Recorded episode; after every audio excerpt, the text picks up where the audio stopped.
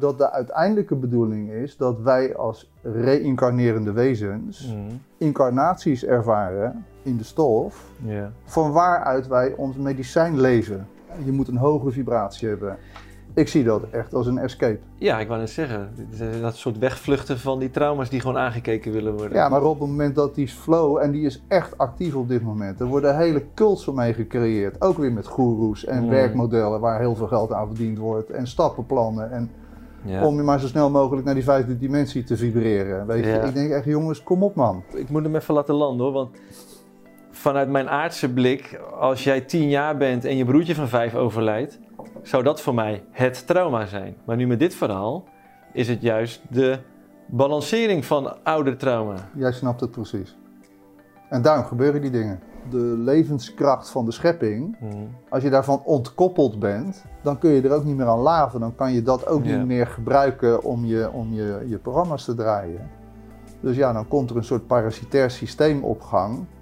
Juist. Dat ervoor zorgt dat je het dan dus elders vandaan gaat houden. En dat betekent dat zij eigenlijk voor het afdraaien van hun agenda afhankelijker zijn van ons. Mhm. Maar het voor hun belangrijk is dat wij denken dat het andersom is.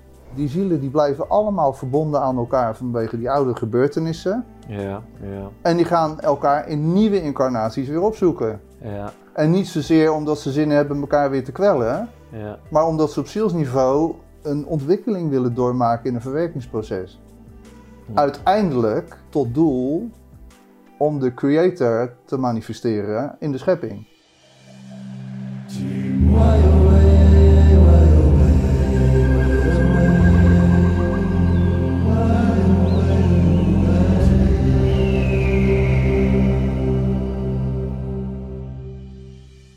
Welkom beste mensen bij eh, weer een nieuwe aflevering van Tijdboek Lumens podcast. Nummer 11 alweer, we raken bijna de tel kwijt. We zijn naar Noord-Drenthe gereden, naar het plaatsje Roden, om in gesprek te gaan met Maarten Oversier. Dankjewel voor jouw gastvrijheid Maarten. Graag gedaan, hè? Ja. Ja, leuk. Voor degenen die hem niet kennen, Maarten is regressie- en reïncarnatietherapeut. Eh, toch wel een autoriteit te noemen inmiddels. Zijn boek Bestaansrecht is een eh, nou, bestseller aan het worden, hard op weg. En eh, nou, er ligt hier een, mooie veer op tafel. Er staat daar een, grote adelaar op de kast. Ik denk dat we ook wel eens misschien wat, bij wat indianenverhalen terecht gaan komen.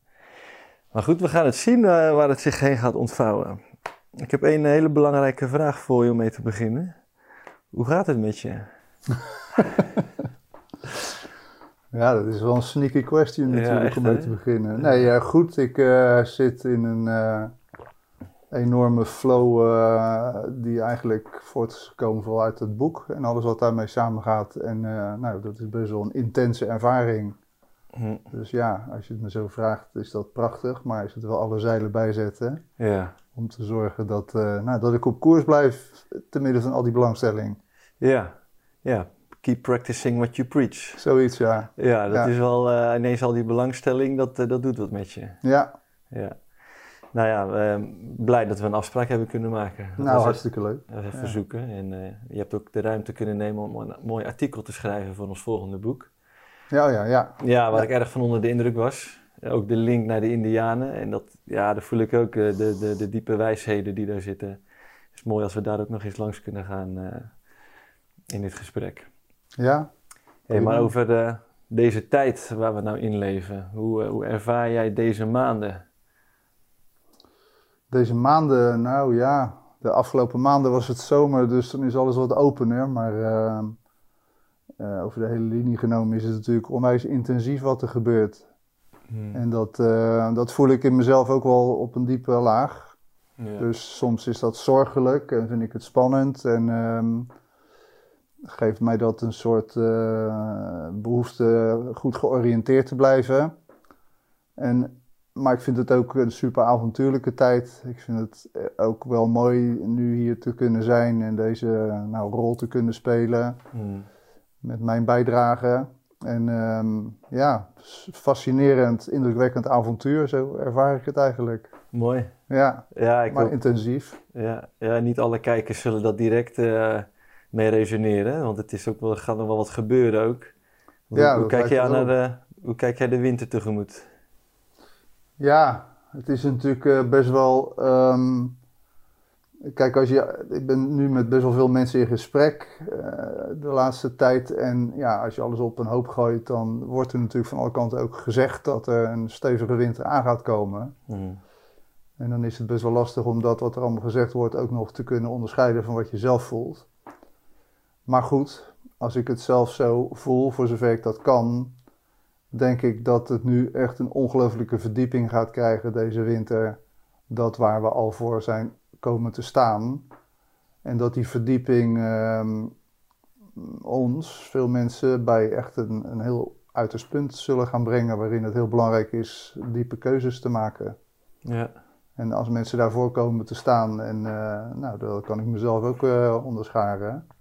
Het zijn stevige processen, dus er zal wel het nodige gaan gebeuren, ja. ja. Terwijl de kippen hier voorbij lopen. Ja, ja, ja. dat is ook wel goed, want die uh, hebben natuurlijk maling aan al die veranderingen. Ja. We moeten gewoon eten, 's morgens een ei leggen en een beetje ja. druk doen en zo, maar het is wel prachtig. Ja. ja, het is jammer dat we dit niet aan de kijkers kunnen laten zien, maar je zit hier prachtig. Weet je, het is echt nou ja, gewoon behoorlijk zelfvoorzienende plek ook. Ja, ja. Ik reed over een appel heen toen ik mijn auto parkeerde hier. Heel echt? Ja, ja, ja. Een rotte waarschijnlijk. Ja, ik denk het. Nu, nu wel. lekker uit elkaar dan. ja. Nee, maar ja, dit is, uh, het, het, is nogal wat deze tijden. En het is ook, weet je, jij bent trauma-therapeut of daar ben je expert in. En um, ja, hoe, zie, hoe kijk je aan tegen wat er allemaal gebeurt in de wereld nu? Weet je, jouw boek gaat erover, hè, trauma wat in het verleden veroorzaakt is. Maar wat doet deze tijd met uh, ja, collectief trauma in jouw ogen? Ja, dan, ja zoals ik uh, in dat boek heb proberen uit te leggen. Kijk, het is best wel maf als, je, als, als ik nu inderdaad traumatherapeut ben. Dan denk ik, oh ja, dat is waar, ik ben traumatherapeut. Dus dat betekent ook verstand heb van trauma's. Dat is best wel een raar idee, maar ja, het, is, het is ergens wel zo. Dat wat ik uh, ontdekt heb en uh, wat ik ook beschrijf, is dat we natuurlijk heel veel ladingen al met ons meedragen. Hmm voortkomend uit trauma's die we zelf hebben doorgemaakt of in onze familiesystemen. Maar we zijn vaak ons niet daar echt van bewust. Van die, van die reeds aanwezige ladingen en gevoeligheden. Mm. Um, en dan als er zo'n tijd aanbreekt zoals nu, ja, dan is het met name op die lagen dat mensen worden aangeraakt en um, getriggerd worden omdat zo'n zo'n tijdspanne waarin we zitten een appel doet op die onderliggende gebeurtenissen, maar nu collectief. Ja. Vaak worden mensen getriggerd persoonlijk onder, onder bepaalde omstandigheden, waarin die dieperliggende lagen aangesproken worden. Dat heeft ook een doel, een functie kun je zeggen, gewoon in een ontwikkelingsproces. Dat mensen het weer in hun waakbewustzijn krijgen, zeg maar, wat ze normaal gesproken geneigd zijn te onderdrukken. Mm. Maar nu is het een collectieve uh, inwerking. Dus, het, dus iedereen wordt er in meer of mindere mate mee, mee uh, in aanraking gebracht. Ja. En um, ja, als ik, het, het, aardige van het werk is dat wat er op persoonlijk ge niveau gebeurt, dus in één op één sessies zeg maar, wat je daar ziet gebeuren, de tendensen die daar in zo'n proces zichtbaar worden, ja, die zijn gewoon vergelijkbaar met wat er in het collectief gebeurt. Ja. Het, het groot en het klein.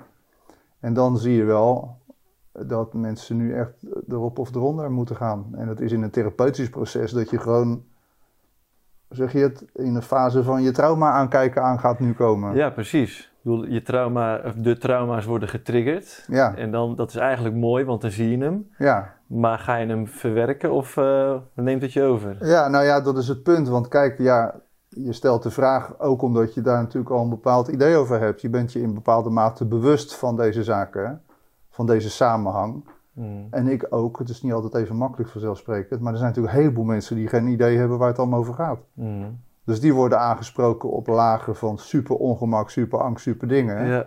Terwijl er totaal geen context is. Ja, maar is dat dan ook weer niet een nieuwe aanwakkering om die realiteit te gaan bevragen? Ja, dat is absoluut waar. Kijk, het, ik denk ook van uh, dat het is ook ergens wel nodig. Hè? Als je, als je, het is nodig dat mensen weer in een acceleratie gaan komen om een bewustzijnsontwikkeling door te maken. Ja. Maar gezapig als we vaak zijn, ja. ook onder invloed van trauma wat al bestaat. Hè? Dat maakt je ook gezapig. Hè? Daar worden mensen passief en, ja, en, ja. van. Ja. Ehm, is het nu natuurlijk toch zo dat, ja, dat er geen ontkomen meer aan is. Ik wil dat niet dreigend doen klinken, maar eh, in het therapeutisch proces ben ik natuurlijk de aanwakkeraar van, van, van, die, van die velden in beroering brengen. Mhm. Hoewel mensen daar natuurlijk vrijwillig op afstappen. Ja. Maar nu is er iets anders gaande natuurlijk. Nu is het gewoon van, eh, ja, ja, ik denk dat we in hele intelligente handen zijn. Die misschien wel een soort Maarten Overzierrol oppakken om wat dingen aan te wakkeren. Ja, ik ben natuurlijk ook maar een poppetje in het spel. Ja. Zo zie ik het. En iedereen levert zijn bijdrage in meer of mindere mate. Ja, Maar het is op zich wel bijzonder in deze tijd dat ook dit vakgebied, hè, traumatherapie, voorouderhealing, reïncarnatie, regressietherapie, ineens gigantisch op de kaart komt te staan. ja, En ik ook wel begrijp waarom. Het is natuurlijk, zoals ik vaak ook een roep in de, in de woestijn ben geweest, jongens, dit is ook interessant even om rekening mee te houden. Hè? ja. Terwijl iedereen natuurlijk super aan het freewheelen was. Mhm. nu iedereen toch wel begint te beseffen dat er meer aan de hand is. Ja, En ze vanuit hun ja, spirit dan toch ehm, aangeraakt worden in zaken waarvan ze voelen van jeetje, wat is dit een achtergebleven, achtergebleven kindje geweest in mij altijd. ja, ja, ja. Voel jij een frustratie dat het op dit tempo gaat? Nou, ik weet niet, ik merk zelf dat ik schakel op verschillende lagen. Ehm, en en, daar, en een, een, een laag daarvan, en die is redelijk prominent aanwezig, zit absoluut frustratie, verontwaardiging, eh, boosheid, eh, dat hè. Mhm. Ehm, en daar kan ik ook, eh, ik, ik ben me er redelijk van bewust als ik daarin ben. Soms is het ook helemaal niet erg. Dan denk ik van, oké, laat maar maar even uh, godveren. ja, Maar daaronder voel ik wel ook een andere laag die vertelt dat het ook wel nodig is dat dit gebeurt. En daar zit ook meer het avontuurlijk stuk in. Van ja, ik ben hier nu, van kom maar op, we moeten er toch doorheen. ja, En bijzonder, en laten we er dan gewoon met elkaar wat moois van maken. Ja, dus ja. op die gelaagdheid ehm, beleef ik het hele gebeuren. ja, ja, ja. Ja, ik zit er zelf dan vanuit mijn lekenkennis van trauma. Ik heb een keer een verhaal gehoord van een olifantenstam in Afrika die generaties geleden nare ervaringen hebben gehad met mensen. En die tot de dag van vandaag vijandig zijn richting mensen. Dus als ik daarnaar kijk, van in de mensheid, er gebeurt nu van alles. Ik denk ook, als we nou allemaal tegelijk eh, het gaan doorzien, of in die boosheid komen. Weet je, wat ontstaat er dan in de wereld? Creëer je dan niet een enorm collectief trauma? Wat eigenlijk, er is niemand om het dan te helen, zeg maar. Dat je dan generaties lang ja, in een wereld vol wantrouwen blijft leven. Hè? Ten opzichte van hoe het nu gaat, stap voor stap, groep voor groep. Telkens weer een nieuwe gekke gebeurtenis die weer een nieuwe groep aanwakkert. Die kan aansluiten bij al die boosheid die al verwerkt is van mensen die dit al eerder zijn Mhm. gaan doorleven. Die mooie alternatieven zijn gaan opzetten. Ja, als ik daar dan naar kijk, denk ik, oké, ja, voel ik wel dan berusting bij. Ja, Ja, ik kan het alleen maar natuurlijk vanuit mijn werkervaring eh, uitdragen. En weet je, het collectief is voor het individu niet zo'n issue. Mhm. Het collectief is alleen meer dat er een spanningsveld ontstaat die mensen ertoe nou, aanzet, wil ik zeggen, dwingt bijna, om de individuele thema's die zijn opgelopen aan te kijken. En dat is gewoon jij met je vader en jij met je moeder. En ik met mijn vader en ik met mijn moeder. En mijn opa en mijn oma en jouw opa. en oma. Die, dus dat is het veld eigenlijk waarbinnen ik werk. ja, En daar vind je eigenlijk je eigen goudklompjes. En ik merk dat heel veel mensen het dan bij wijze van spreken collectief willen helen allemaal. ja, ja, ja, Maar dan denk ik, ja, waar ligt je behoefte om het collectief te willen helen? Hè? Dan, dan, dan, dan spoort daar iets niet. Ja, Want de collectieve helen is natuurlijk ook een soort hoogmoed of zo. ja, Hè? Hoezo hoogmoed? Of waar- waarom moet je iedereen beter maken? Hè? ja, Maar goed, je ziet natuurlijk in dit werk vaak dat de behoefte om het daar allemaal beter te willen maken voor heel veel mensen Mhm. zijn oorsprong vindt in de pijn in een familiesysteem waar het achtergebleven is en ongeheeld is achtergelaten. Dus dan is dat de drijfveer. En dat is natuurlijk in dit werk wat ik doe, is dat die geprojecteerde behoeften, Mhm. ik eigenlijk het uitzicht eh, hun afneem, zoals het inzicht begint.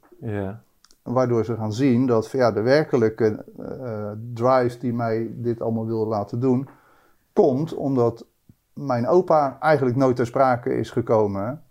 met het hele pijnveld wat daar omheen zit.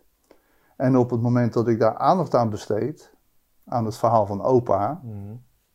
En dat vertel ik ook in mijn boek, dan is het, dan is het natuurlijk meestal de invloed van de oorlog en, en in combinatie met wat de kerk allemaal gedaan heeft. Wat merken mensen dan op het moment dat ze weer in verbinding komen met opa, door de lagen van al die schaamte, schande, pijn, angststukken, weet ik veel wat, dat, dat het gevolg daarvan is dat de behoefte om het daar allemaal beter te maken afneemt. Ja, En ik denk dat daar veel, een, veel meer een sleutel in ligt. ja, ja.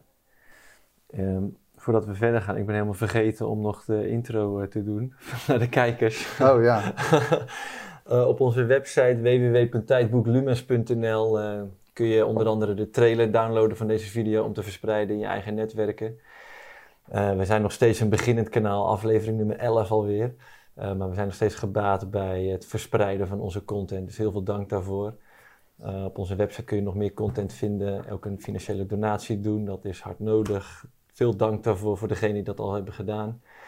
Ehm, je kunt je inschrijven voor onze nieuwsbrief. Daar eh, vind je ook eh, onze agenda in voor allerlei leuke events, workshops, lezingen, ceremonies die er zijn. En dat was het. Dat, dat moest ik nog eventjes tussendoor fietsen. Ik vind het zo'n eh, noodzakelijk riedeltje wat er dan bij hoort. ja, is toch logisch? Ja, ik hou er niet van om het te doen, maar goed.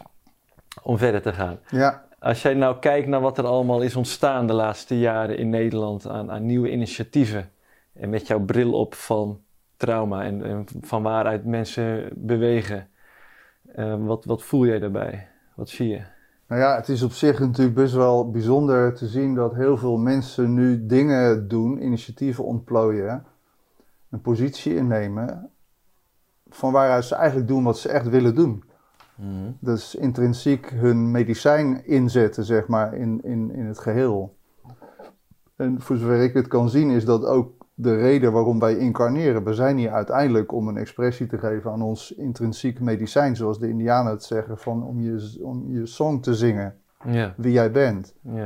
Dus heel veel mensen die doen dat nu, Mhm. onder invloed van de gekkigheid die gaande is. Terwijl ze het misschien al heel lang hadden willen doen, maar het nooit echt eh, voet aan de grond kreeg. ja.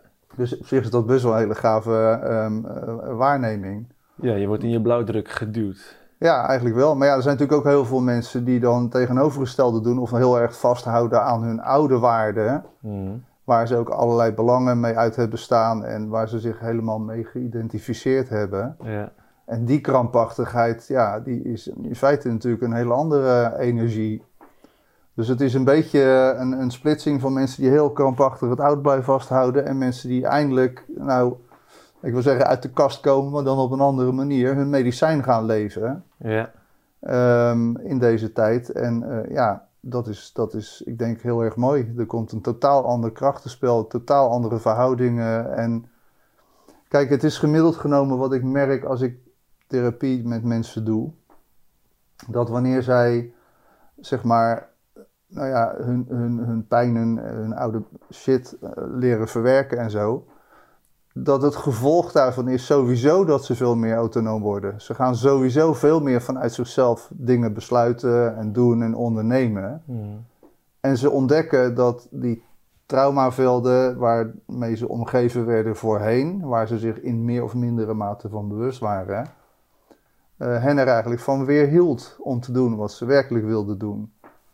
Ja. Dus hoe je het ook bent of keert, wat de evolutie ook brengt, wat de uitkomst ook zal zijn, ik heb alle reden om te geloven dat wij pas stoppen met incarneren op het moment dat we gevoeld hebben hoe groot het is, hoe mooi het is, als je je goddelijk potentieel in deze fysieke schepping kunt uitdrukken.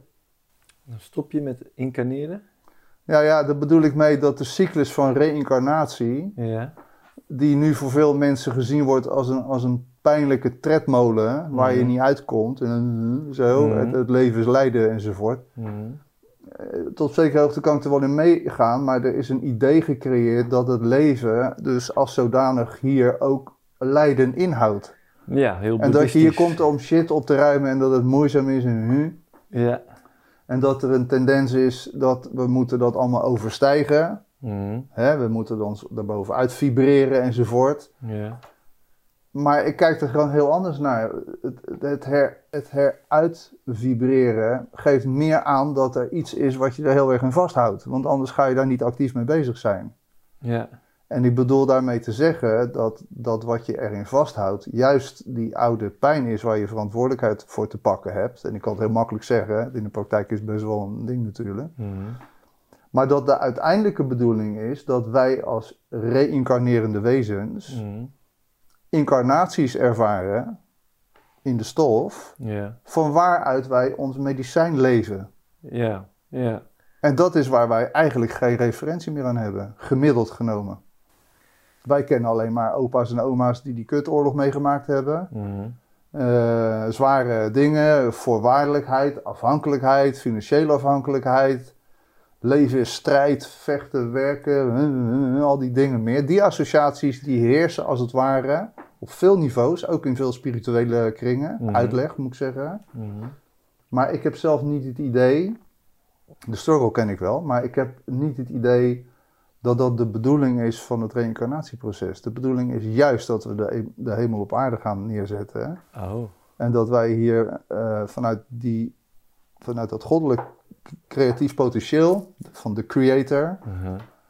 Ehm, ons hier ehm, eh, nou, nou, neerzetten, in ons, ons lied zingen. Zodat, eh, en als je je dan bedenkt hoe het zal zijn dat je terwijl je dat doet, bewust bent van de spirituele wereld waar je voorouders wonen, die jou ook input geven, informatie geven, vanuit de eeuwige jachtvelden, zoals het zo mooi genoemd wordt. Mhm. Terwijl je hier een earthwalk doet, Ja. Dan wordt de, de toon natuurlijk, de grondtoon van het bestaan onder de mensheid volledig anders dan dat we die nu kennen. Ja. Want de meeste associaties zijn verbonden aan trauma en de onderdrukking en dat soort shit. En hoe is al dat trauma? Ik weet niet eens meer of ik nog antwoord aan het geven ben op je vraag, maar... Ik vond het een mooie antwoord in ieder geval.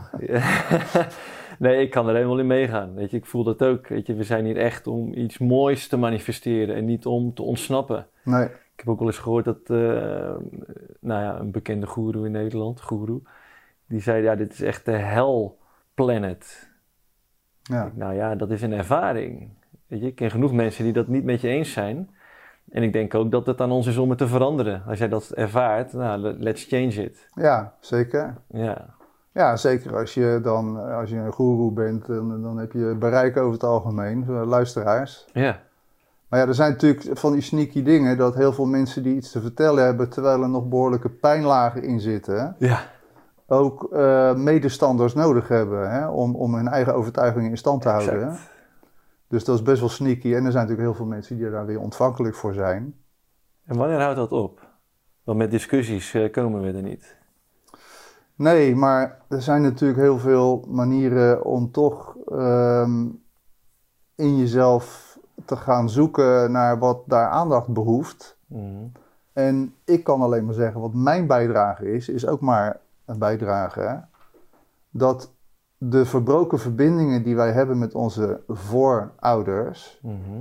ervoor zorgen dat we hier in zo'n modus rondlopen. Ja, En aangezien daar gemiddeld genomen geen besef over is, dat bewustzijn is echt gewoon nagenoeg niet aanwezig, mhm.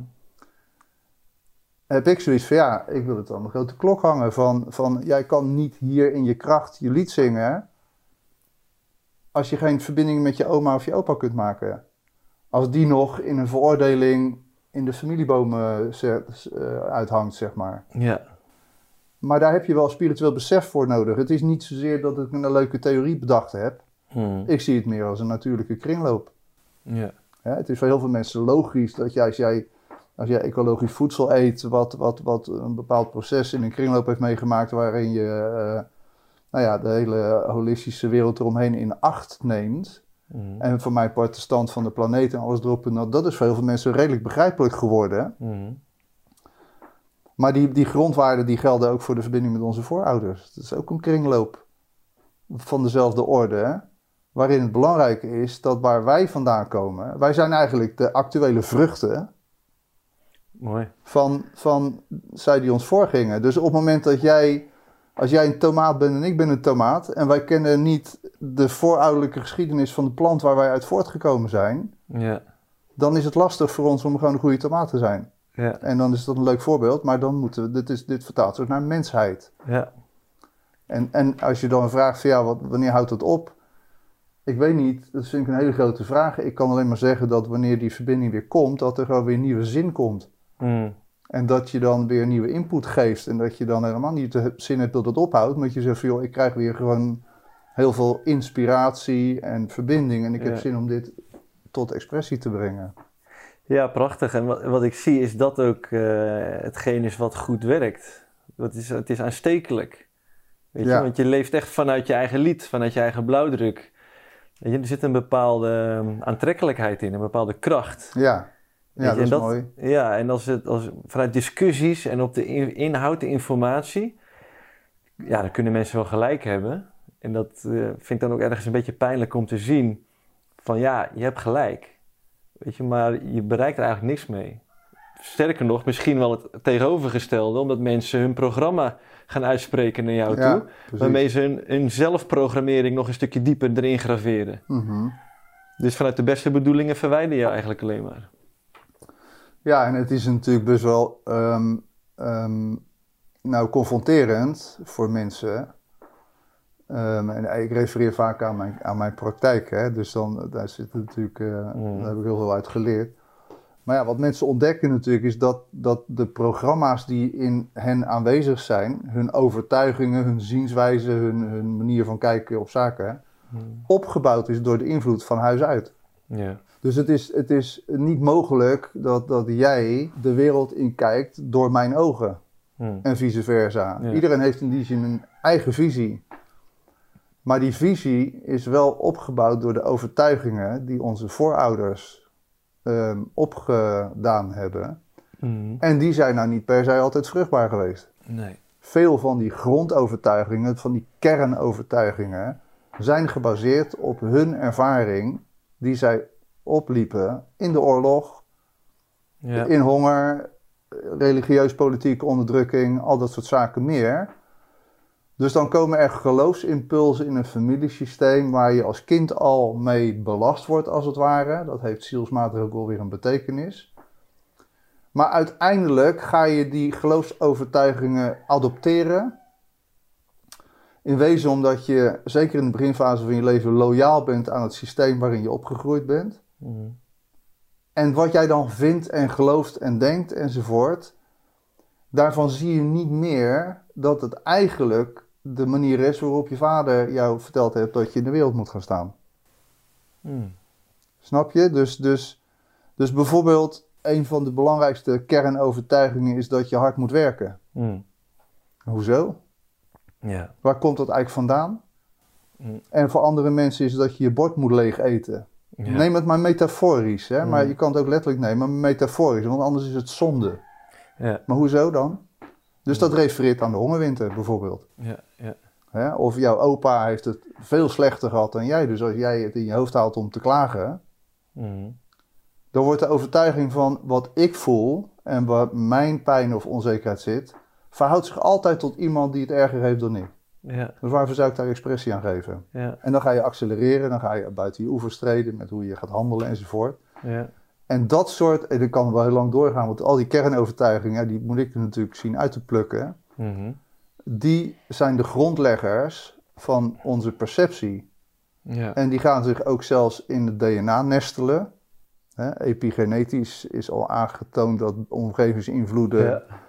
Eh, nou, toch wel eh, heel bepalend zijn voor de vorming van jouw DNA. Dus dat is de manier waarop jij doet en denkt en kijkt en, eh, enzovoort. Mhm.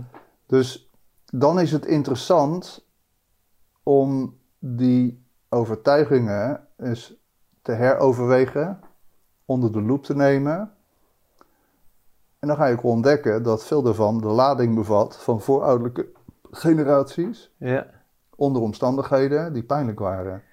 Ja. Die ontdekking is heel heelzaam en heel Ja. transformatief. En dat gebeurt één op één in mijn praktijk. Maar ik denk dat de nabije toekomst ook zal mee, met zich meebrengen dat dit besef ook aan groep zeg maar veel meer geventileerd zal worden. Ja. Waardoor het, het helend potentieel veel, ehm, een veel groter bereik zal gaan krijgen. Ja, ik merk het al enorm überhaupt hoe er open erover gesproken kan worden.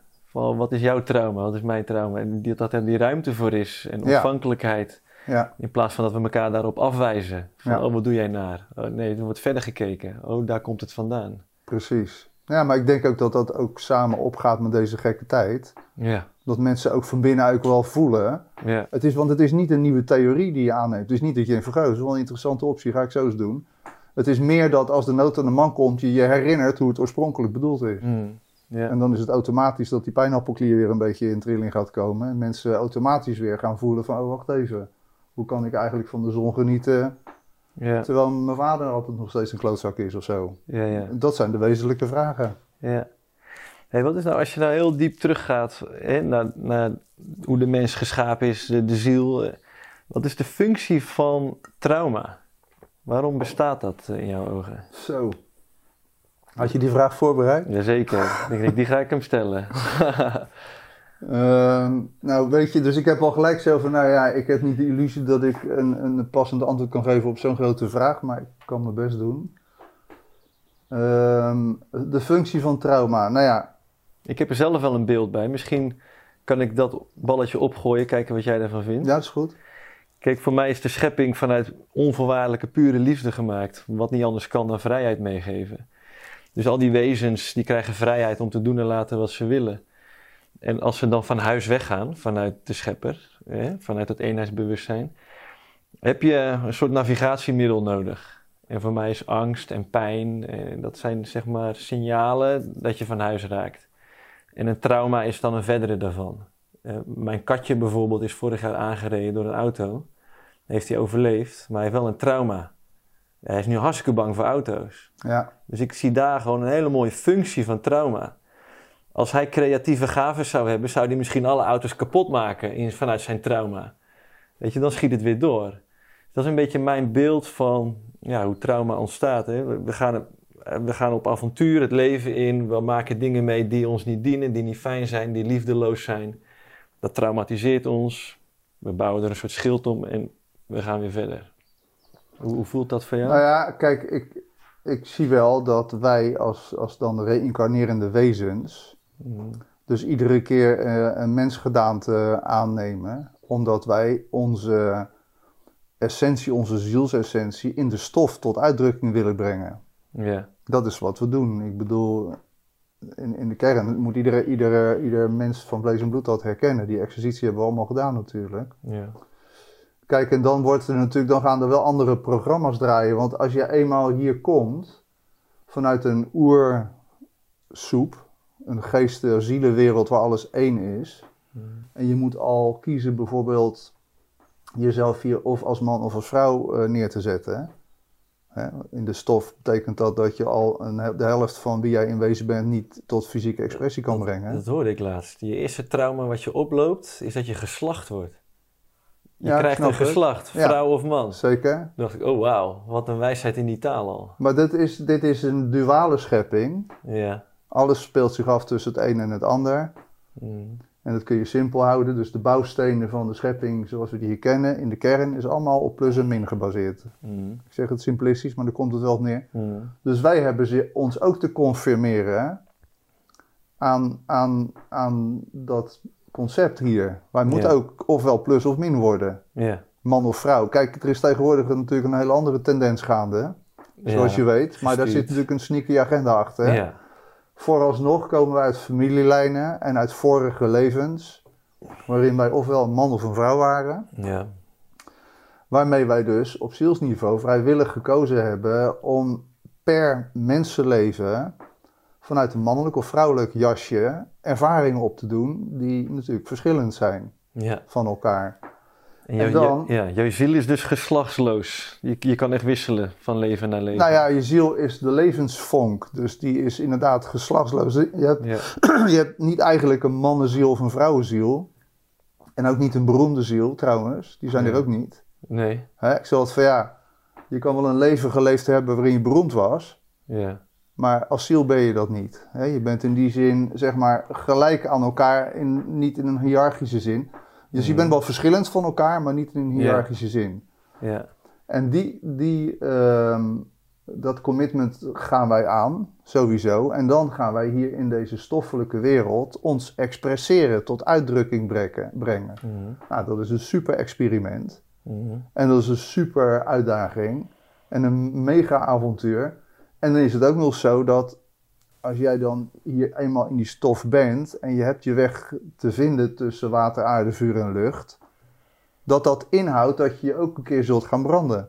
Ja. En ook een keer eh, gaat stikken en ook een Ja. keer eh, bedolven wordt onder de aarde en ook een keer luchttekort komt of zo. Ja. Of, of in het water verdrinkt, weet ik veel. En dat zijn allemaal archetypische ervaringen die wij opdoen Ja. om vertrouwd te raken met de bouwstenen van de schepping al hier. Ja, nuttig ook zou je kunnen zeggen. Nou ja, nuttig, het is wat we, waar we voor kiezen kennelijk. Ja. En, en we hebben net als een kind te leren, hè, die kind, als je een kind op de wereld zet, die zal ook moeten leren lopen en de motoriek een beetje in, in con- controle te krijgen en met spulletjes om te gaan en dit en dat. Maar zo gaat dat in incarnatiewaves natuurlijk idem dito. Ja. En dat betekent dat we af en toe ook met de hamer op onze duim slaan. Mhm. En op het moment dat we dat doen en jij zit naast mij mij af te leiden, dat ik dan in een afstemming kom, ik denk dat, dat het door jou komt, dat ik hier pijn heb. Ja. Want Ja. jij had mij af, anders had je me niet moeten afleiden. Ja, ja, ja. Dus dan doe ik jou wat aan. Dus dan projecteer ik natuurlijk, omdat ik gewend ben dat alles er één is, dan projecteer ik die boosheid op jou. Mhm. Maar ik zie je dan inmiddels als iemand buiten mij, zeg maar. Mhm.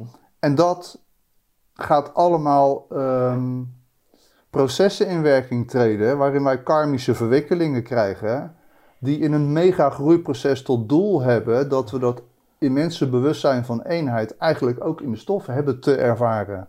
Ja. Maar dat hele traject gaat met vallen en opstaan, dus dat houdt gewoon simpel in dat wij allerlei levens geleefd hebben als man of vrouw, waarin we ook van alles uitgevroten hebben in ons mega-experiment Ja. waar we achteraf niet zo'n prettig gevoel bij hebben. Ja. En als je het gaat over trauma en traumaverwerking, betekent het ook dat we op dat vlak ook onszelf weer onder ogen hebben te zien. En als ik in dit gekke voorbeeld eh, jou dan weer een keer tegenkom, jou een keer een knuffel geef, dat ik zeg van goh, het voelt pijnlijk in mezelf dat ik jou buiten me gesloten heb, omdat ik jou aanwees als de oorzaak van dat ik zo dat. Ja. En dan komt er een soort verzoening. Ja. Maar die verzoening is, is slechts een fase in een ontwikkelingsproces.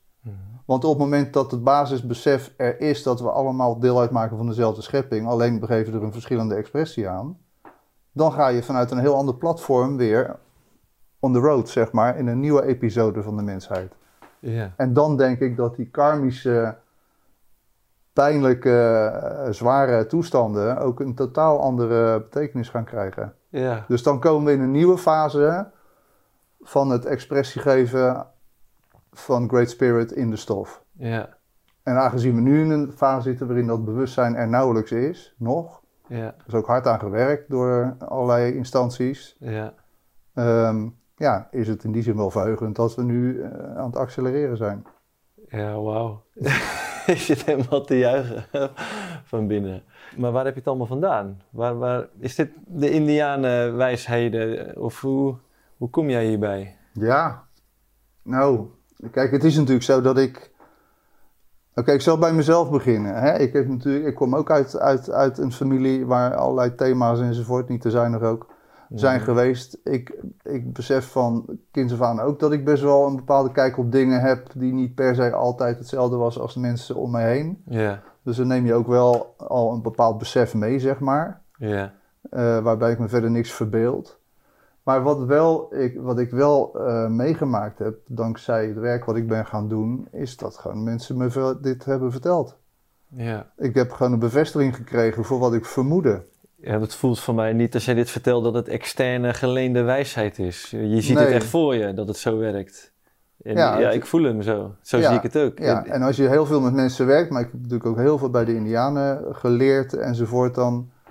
En daar ben ik ook heel actief mee bezig geweest. Het is wel anders als je, als je 5, 6, 27 jaar een baan gehad hebt die jou per, op zielsniveau niet per se dient. Ja. dat je daarin ook een bewustzijnsstagnatie oploopt natuurlijk. Ja. En ik heb echt mijn eigen uitdagingen volop in mijn leven. Maar in dit vlak ben ik 27 jaar actief bezig geweest om met deze materie Juist. bezig te zijn. En dan ontvouwt zich wel een plaatje. Ja, waanzinnig. En dat, ja, daar voel ik me ook heel dankbaar om. Maar het, het, is, het blijft uitdagend hoor. Dus als het resoneert, doet me dat alleen maar goed. Ja, ja, totaal. Wat zijn jouw uitdagingen waar jij er zelf aan tegenaan loopt? Ja, dat zijn er, uh, dat zijn er plenty hoor. Uh, en dat is voor mij ook een gelaagd uh, verhaal. Dus op persoonlijk niveau, ik ben een aantal jaar geleden gescheiden. Mm. dat is een immens proces met alles wat daarbij komt. En ook al doe ik dit werk en heb ik heel veel praatjes en schrijf ik interessante boeken en zo, ontslaat mij dat natuurlijk niet van alles wat samengaat met, met, met dergelijke intensieve dingen. Hè? Dus ik heb mij ook te herijken en die, en die, die scheidingsfase is ook bijna parallel gegaan aan die enorme belangstelling. Mm. Dus dat is, dat is een gigantische uitdaging om, om, laten we zeggen, alles voldoende aandacht te blijven geven. Ja. Nu overspoelt het me werkelijk, um, hè, al die belangstelling. En aan de ene kant vind ik dat prachtig, want het is natuurlijk ook wel gewoon waar ik al die jaren heel erg in gewerkt heb en mee bezig geweest ben. Dus dan voelt het ook prettig vanuit datzelfde kringloopverhaal. Ja. Om weer die ervaring te kunnen uitdragen. Dat, ja. is gewoon een natuurlijk principe. Ja. Maar oké, zoals ik al zei, om dat allemaal in banen te leiden. En um, ja, ik ben best een gevoelig baasje. Mm. Om dat allemaal in banen te leiden en te harmoniseren, vind ik een hele, uit, een hele uitdaging, een hele ja, ja. Nou, ik kan me voorstellen dat je dan echt geleefd wordt. Iedereen trekt aan je jasje en wil wat van je. En ondertussen wil je zelf ook ja, blijven doorvoelen wat er nou allemaal gebeurt. Ja. Het is ook een rollercoaster. Jij zit ook in deze wereld. Ja, en ik ben natuurlijk een heel hooggevoelig gastje. Ja. En dat is natuurlijk bekend van als je echt wel behoorlijk gevoelig bent in een, in een wereld die dan toch echt wel heel raar ingericht is. Hmm dat dat best wel uh, van alles met je doet hoor. Ik, ik, ik, ik, zou me beter kunnen eh, binden en hechten aan een maatschappij als ik misschien wat minder gevoelig zou zijn. Ja. Dan ga ik wat makkelijker mee in de, in de, in de zeg het, volk ja. vader.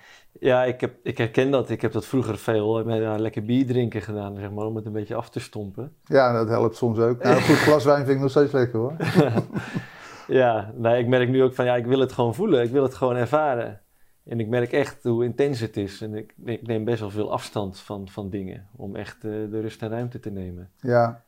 Ja, want eh, anders... Uh, anders maar kijk, ja. alles wat je intensief doet in het leven... Ik ben ook nog een tijd uh, chef-kok geweest. Heb ik in de keuken gewerkt en zo.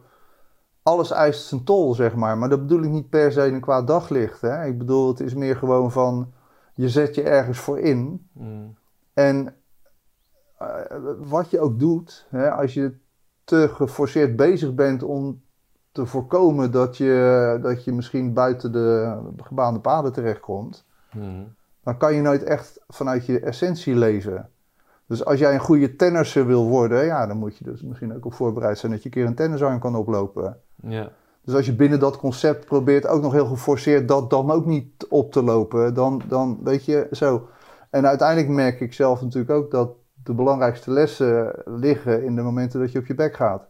Ja. En niet per se dat je constant geforceerd bezig bent om te voorkomen dat je op je bek gaat. Ja. Door in een zeer gereguleerde leefmodus terecht te komen. Dat zie ik heel veel mensen doen. Ja. Hè, waarin alles hoog getrild moet zijn en alles moet vegan zijn en alles moet zon doordrongen zijn en alles en zo. Dan denk ik, ja, mooi, maar er is ook een cult aan het worden van mensen die eigenlijk bezig zijn zichzelf, uh, in mijn bewoording, boven zichzelf te gaan vibreren. Hmm.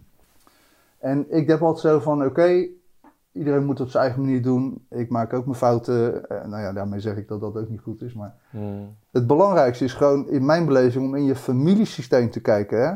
Welke vibratie staat je daar niet aan? Ja. Waar trilt er iets bij je pa, ma, opa of oma waarvan je voelt van fuck, dit is iets wat ik niet fijn vind? Ik ben even de link kwijt, want je kwam bij die vegan mensen vandaan en al die dingen.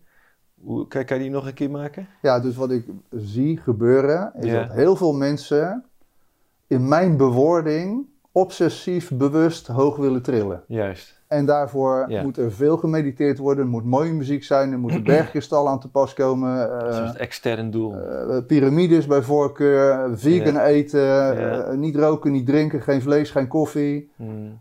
dat hele riedeltje. En dan ook nog met allerlei technieken kijken hoe hoog je kunt vibreren. Ja. Hè? Je moet een hoge vibratie hebben. Ik zie dat echt als een escape. Ja, ik wou net zeggen, dat soort wegvluchten van die trauma's die gewoon aangekeken willen worden. Ja, maar er zijn heel veel mensen zich dan vervolgens niet van bewust. En dat vind ik Ja. een fenomeen. Hè? Dus op het moment Ja. dat je... Ik snap heus dat je goed voor jezelf moet zorgen. Hoor. Dat is niet wat ik ermee wil noemen. nee, hè. ik voel je. Ja. Maar op het moment dat die flow, en die is echt actief op dit moment, er worden hele cults omheen gecreëerd. Ook weer met goeroes en Mm. werkmodellen waar heel veel geld aan verdiend wordt. En stappenplannen. En ja. om je maar zo snel mogelijk naar die vijfde dimensie te vibreren. Weet je, Ja. ik denk echt, jongens, kom op man. ja. Dus nou word ik ook een beetje verontwaardigd. Want ik zie natuurlijk in de praktijk gewoon wat er gebeurt in feite. Hè? Wat mensen doen is dat zij door die beweging in te zetten... eigenlijk niet meer verbonden willen zijn met de pijn van papa, mama, opa, oma. ja. Als je zusje doodging, als je vader agressief was... als er, weet ik veel, een nare scheiding was... als, als oma, eh, ik, het hele mikmak. Dus daar vind je eigenlijk, dat is mijn core business... daar vind je eigenlijk de oorzaak van de behoefte... om in de tijd waarin alles overhoop gooit... zo hoog mogelijk te willen zitten. ja. En als je hoog wil zitten, dat snap ik wel, maar is wel belangrijk dat de pijn die je daar dan onder eh, achter hebt gelaten, Ja. moet wel mee kunnen. Het is een wankel fundament. Want anders ga jij een keer op je bek vallen om weer bij die opa waar niemand het over wilde hebben terecht te komen. En die trigger die blijft dan aanwezig, die potentie. Precies. En die overvalt je dan. En als je dan een vibratie krijgt, zeg maar, ehm, als je eenmaal ook die dingen hebt weer kunnen verbinden, dan is dat er een waar je je sanang bij voelt. Mm. Maar kenmerkend is daarvan dat je niet bewust bezig bent in een bepaalde vibratie te zijn. Ja, Snap je wat ik bedoel? Dan is het gewoon je basistrilling en dan ben je oké mee. ja, ja. En of je nou een glas wijn drinkt of alleen maar kruidenthee of rock'n'roll luistert of alleen maar meditatiemuziek. Iedereen die zit anders in elkaar. Waar je je prettig bij voelt, dat doe je. Ja. Kijk, als ik dit gesprek twee jaar geleden had gehoord, dan had ik echt gedacht van ja, maar ik heb helemaal geen trauma's. Weet je, dus ik vind het woord trauma ook zo, eh, zo dat zwaar. wel- dat ben ik met je eens. Ik vind het een lastig woord. Ik, mijn associatie met het woord was altijd echt heftig. Echt op misbruikniveau of, of eh, heftig auto-ongeluk, eh, weet ik het. Maar ik, ik ben daarop gaan invoelen van ja, maar ik heb wel de symptomen soort van. Hè, blokkades, patronen die terug blijven komen, triggers. En, en eigenlijk heb ik wel mijn trauma's. Alleen, ja, dat woord vind ik dan zo, zo zwaar. Ja, nee, dat is waar. En, en ik herinner me, of ik, eh, je helpt me herinneren dat ik er net een vraag niet helemaal beantwoord heb volgens mij. Want jij vroeg er net van ja, waar zijn die dan niet allemaal voor nodig, die trauma's en zo, weet je wel. Ja.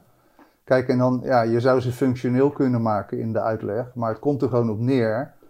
Dat zei ik al, als jij in je, in je ontwikkeling als reïncarnerend persoontje vastgelopen bent in het vuur, of in het water, of in de aarde, of in de lucht, om het even via de vier windrichtingen te houden. Mm. En je bijvoorbeeld in dat vuur de conclusie getrokken hebt van als ik met vuur in aanraking kom, dan gaat alles mis. ja. Dat op zielsniveau er een ander programma gaat draaien die zegt, nou ja, als jij een hooiberg in de fik steekt en je denkt niet na over de wind of zo, Mm. ja, dan gaat die hele hooiberg in de fik. Maar jouw conclusie, ik en vuur gaan niet meer, Mm. betekent dat jij in een nieuw leven niet meer met vuur in aanraking wil komen. Ja, Als gevolg van die gebeurtenis. Snap je het metaforisch? nee. Nee, dus als jij een ervaring hebt gehad waarin jij een vuurtje wilde maken bij een hooiberg, de wind niet in de gaten gehouden hebt en Mm. als gevolg van jouw lucifertje die hele hooiberg in de fik gestoken eh, ging, met de boerderij en de koeien en misschien ook wel je vrouw enzovoort, ik zeg maar wat stoms, Mhm. dan is op traumaniveau de conclusie van zo'n persoon, ik en vuur is ellende. ja, conclusie, dat imprint. Ik moet niet meer met vuur in aanraking komen, want als ik een lucifer hanteer, Ja, dan breekt de pleuris uit. dat gaat op zielsniveau mee. Je gaat een nieuwe incarnatie aan.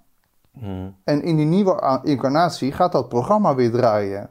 Dus dat betekent dat jij jezelf van vuur wil onthouden. ja, ja. Daar kan je best wel een tijd succesvol in zijn. Maar Mhm. op zielsniveau gaat het erom dat je moet leren vuur te hanteren. Dus dat betekent dat je de pijn van die voorgaande keer hebt te doorleven. Ja, Zodat je er nu een nieuwe verbinding mee kunt maken. Ja, En dan heeft trauma dus in die zin een functie. ja. Snap je? Dus dan betekent het dat het uiteindelijk de bedoeling is dat je nou ja, eh, zaken in acht neemt of in een bepaalde afstemming bent als je met vuur speelt of zo.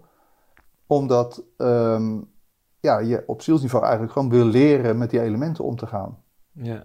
En dat geldt voor vuur, maar dat geldt ook voor vrouwen en kinderen en huizen en voedsel en uh, allerlei omstandigheden. En um, hè, dit is nu het voorbeeld met vuur. Hoe zit het met, met misdadigheid? Is dat ook iets wat overgedragen wordt? Zeker. Wij, wij hebben natuurlijk een rare uh, wereld nu. En er wordt natuurlijk heel veel gesproken over allerlei uh, kwaadaardige krachten die er zijn. En die, dat geloof ik ook zeker. Hmm. Die de sentimenten van de bevolking, van de mensheid zodanig bespelen. Dat er een soort um, uh, veld ontstaat waarbinnen er geen ruimte meer is om vanuit onze intuïtie, ons hart, onze essentie te besluiten. Mm. Dus dat is gecomprimeerde energie. Ons, ons levensveld, yeah. morfogenetisch veld, waar de vibratie van de hartslag van moeder aarde in de basis overal moet doorklinken, yeah. wordt zo bespeeld, nu zeker, maar ook door de kerk vroeger, hè? denk erom. Dat is echt gewoon. Dat ik in zo'n vernauwing kan komen in mijn bewustzijn dat, als ik jou maar weer even mag misbruiken, als jij te dicht bij mij komt op het verkeerde moment, ik in staat ben om jou wat aan te doen. Ja. Ik besef dan, of wij beseffen ons op zielsniveau, van ja, we gaan hier een karmisch contract mee aan. Ik doe iets met jou. Ik kan mezelf een misdadiger noemen. De mensen die dat mij zien doen, die zullen dat als zodanig ook uh, zeggen. Ja. Misschien ga ik wel 30 jaar de bak in daarvoor. Mm Maar het punt is gewoon uiteindelijk dat het dat we hebben te zien dat er invloedssferen zijn van een andere orde dan die waar wij als mensjes in hangen, die dit soort scenario's als het ware aanmoedigen. Juist, dus die gewelddadigheid die komt er uit een oude imprint en die wordt ook nog eens nu aangewakkerd, aangemoedigd. Enorm. En wat, wat moedigt dat nu aan? Ik bedoel, dat zal een luisteraar nu ook zoiets hebben van... hé, hey, wie zit daar aan die knoppen te draaien? Wat... Ja, van die kwaadaardige krachten bedoel je? Ja, wie, wie, wie maakt dat? Nou ja, kijk, dat is natuurlijk een andere vraag. Dan, dan moet je. Ik verwijs dan ook vaak naar, naar boeken en informatie uh, van, van mensen die dat natuurlijk onderzocht hebben. Die kwade, demiurgische, argontische krachten. Ja. Die kan je in een verzamelnaam de duivel van mijn part noemen. Maar, mm -hmm. uh, hè, dus de, de, zoals de, de Nag Hammadi geschriften, uh, die, die spreken al over argontische invloeden. Ja. En verder heeft iedere cultuur natuurlijk zijn eigen duivels. Hè? De, de djinns en de molochs en de, weet ik veel. Ja. Oké, okay, dus die krachten, als je die gaat onderzoeken, dan zijn dat krachten die een invloedssfeer hebben of, of creëren op de mensheid. En ja, dan kan de vraag nog komen, waarom doen ze dat? Nou ja, alsof ik dat zou weten. In ieder geval, wat ik, wat ik zie, is dat zij deze planeet, moeder aarde, met al haar rijkdommen, ja. als een ongelooflijk aantrekkelijke vrouw zien. Mm -hmm. Geen zin hebben om zich te conformeren aan de, aan de karmische wetmatigheid van polariteit en al de zaken waar we het over gehad hebben, maar dit gewoon willen innemen. Ja. En daar hun eigen, uh, ja, als, als onroerend goed uh, willen, willen beschouwen. beschouwen. Ja. Maar aangezien zij niet in staat zijn in de afstemming te komen van de frequentie van Moeder Aarde, het hartslag van Moeder Aarde, omdat de, de frequentie waarin die wezens vertoeven veel te ver afstaat van de liefdestrilling hier. Ja. Zullen zij beleid moeten voeren waarmee ze steeds dichterbij kunnen komen? Het is een soort enteren van het schip. Ja. En dat beleid kunnen ze voeren, dat voeren ze al heel lang. Door vanuit hun afstemming, zeg maar, steeds een stukje meer in deze frequentie van Moeder Aarde te komen. En via de mensjes, dat zijn wij, die allemaal een energetisch veld vertegenwoordigen rondom Moeder Aarde, voldoende rottigheid aan te brengen, die ervoor zorgt dat wij voldoende uiteengereten zijn, dus het plusje en het minnetje zeg maar uiteenvalt. Mm. Dan gaan wij levenskracht lekken, zoals ik dat noem. Mm-hmm. Energie, levensenergie, uh, chi, of prana, of hoe je het wil noemen. Kundalini. Ja, gaan wij lekken op basis van die traumatoestanden die zij arrangeren. En die energielekkage is hun fuel. En hoe Ja. meer fuel zij hebben, hoe meer ze in het veld terecht kunnen komen. Juist. Ja. Ik heb duizend en één vragen nu. Doe er maar één. Uh, Ik weet niet of eh, ik ze kan beantwoorden. Wa- waarom hebben zij die fuel nodig? Ik heb daar wel eens een verhaal van gehoord. Omdat zij zich hebben afgescheiden van de bron, hebben ze een externe voedingsbron nodig.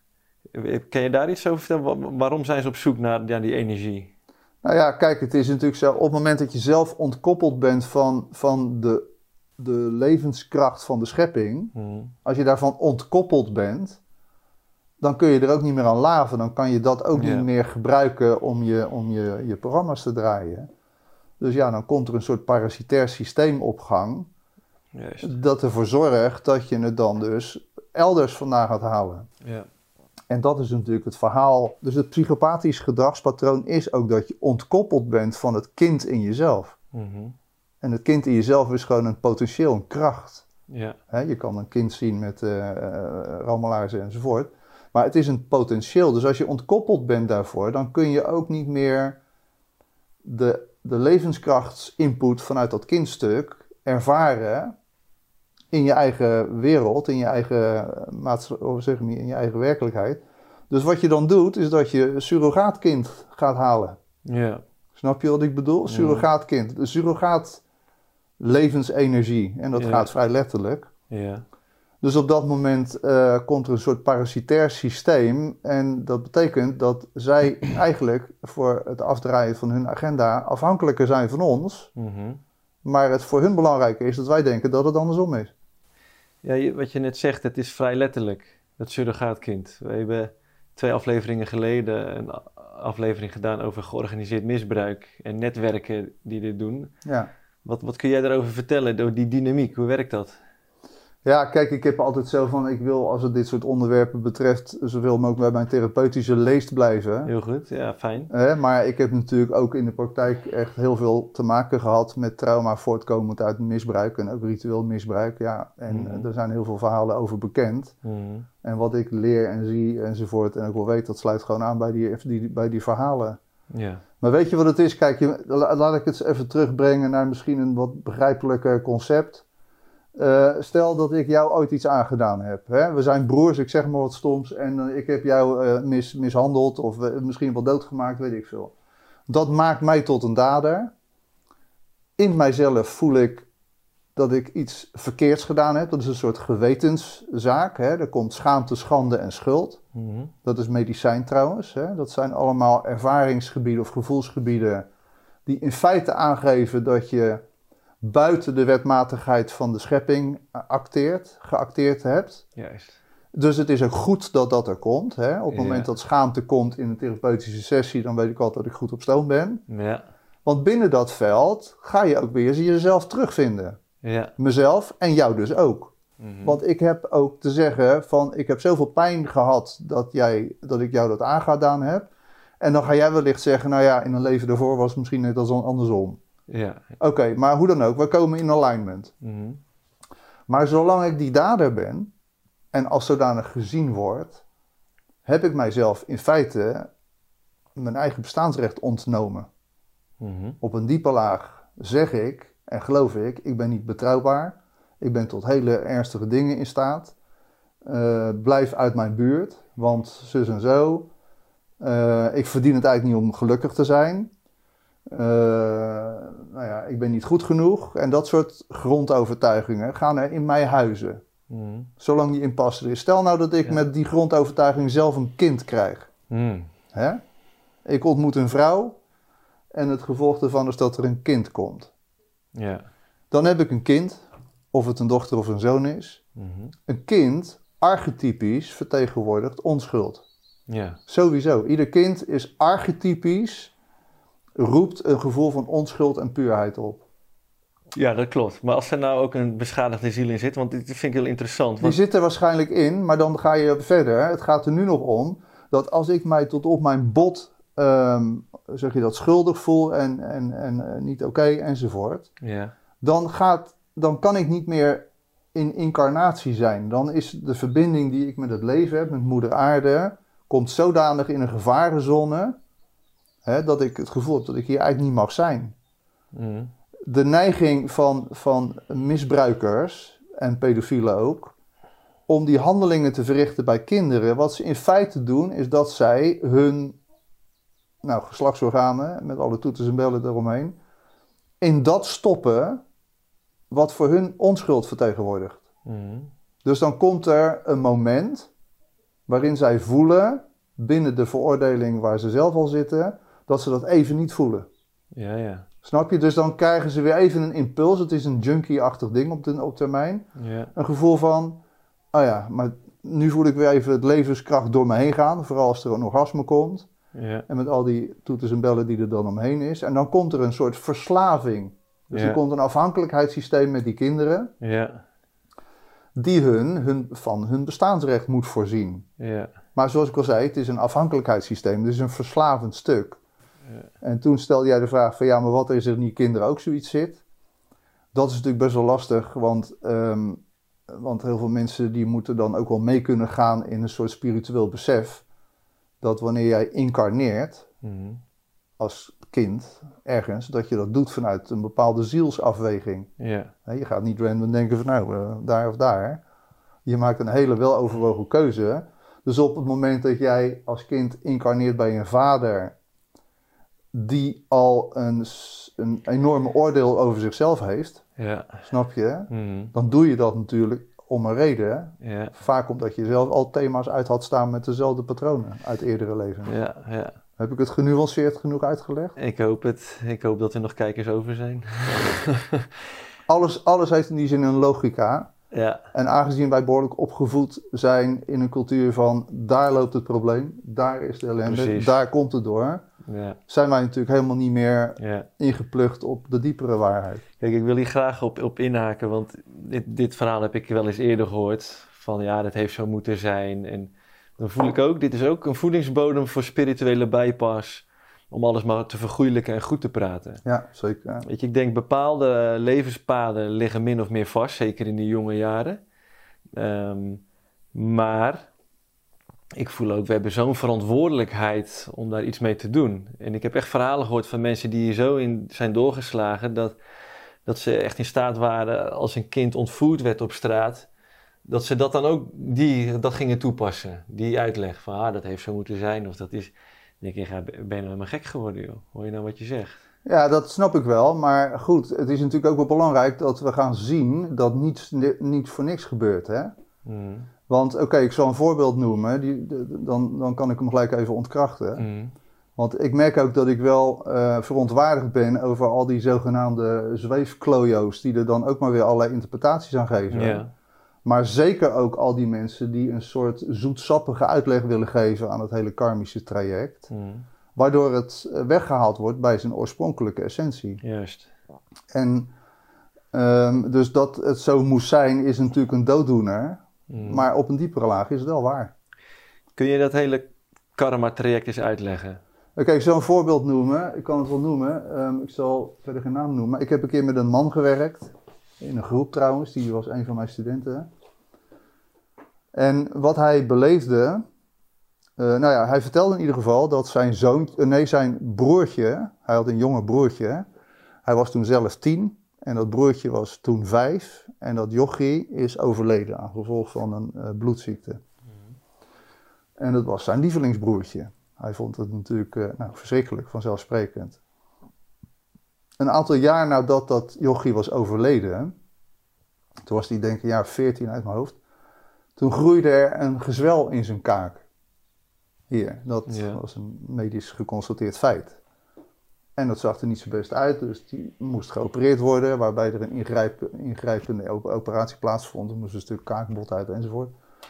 Nou ja, dat was gigantisch ingrijpend voor eh, hem, vanzelfsprekend. Inmiddels een volwassen vent, super veel fascinaties voor oorlog, voor thema's rondom die dingen. Ja. We hebben een regressie met die gast gedaan. En hij beleeft ongezouten in een Tweede Wereldoorlogsscenario aan te komen. Eh, waarin hij een, eh, een, eh, een, een, eh, SS-soldaat is. Mhm. En dat hij ehm, een eh, bepaalde weet ik het, eh, status heeft, een hiërarchische eh, rang. En in een of ander kampscenario eh, is met een aantal van zijn companen. En op een bepaald moment is daar een Joods kind of een gevangene, een jochie, die hem voor de voeten loopt. Ja. En om een punt te maken, geeft hij met zijn laars dat kind een doodstrap. Mhm. Hè? Dus hij geeft een doodstrap aan het kind. En dat kind dat valt achterover. En, eh, en dat sterft ter plekke. En waar lacherig over gedaan wordt. Door die gast althans. Mhm. Kijk, en dan is het natuurlijk interessant om te zien van... oké, wat gebeurt er nou op zielsniveau? Die twee, die twee mensen, die hooggeplaatste figuur... en het ogenschijnlijk eh onderkruipselkind... Mhm. die gaan hiermee een karmisch contract aan. Hè? De soldaat toen, die kon na dit gebeuren... voor de buitenwereld misschien nog wel, maar voor de binnenwereld niet meer... eh, bestaan. Die zetten het gigantisch op de zuipen. Er moest, eh, weet ik veel, hoeveel whisky in per dag, ik zeg maar wat. En op een bepaald moment wordt hij zo gestoord van zijn nachtmerries, waarin hij iedere keer de ogen van dat kindje in zijn imprint ziet, Mhm. dat gaat hem zo kwellen dat hij, terwijl hij veel gezopen heeft, zichzelf doodschiet. Mhm. En hoe doet hij dat? Niet zo, maar hij zet een jachtgeweer op zijn kin. Ja. Zo, baf. Ja. Je ziet nu al waar de kogel uit gaat komen. Ja. Hè? Uit je, uit je kruin. Hij gaat hier erin, Ja. maar het zal het wel uitleggen. Wat zijn zijn overtuigingen op dat moment? Zijn overtuigingen zijn: ik ben levensgevaarlijk. Ik, ehm, ik ben in staat mensen dood te maken. Ik verdien niet te leven op aarde. Ik ben niet goed. En het hele riedeltje.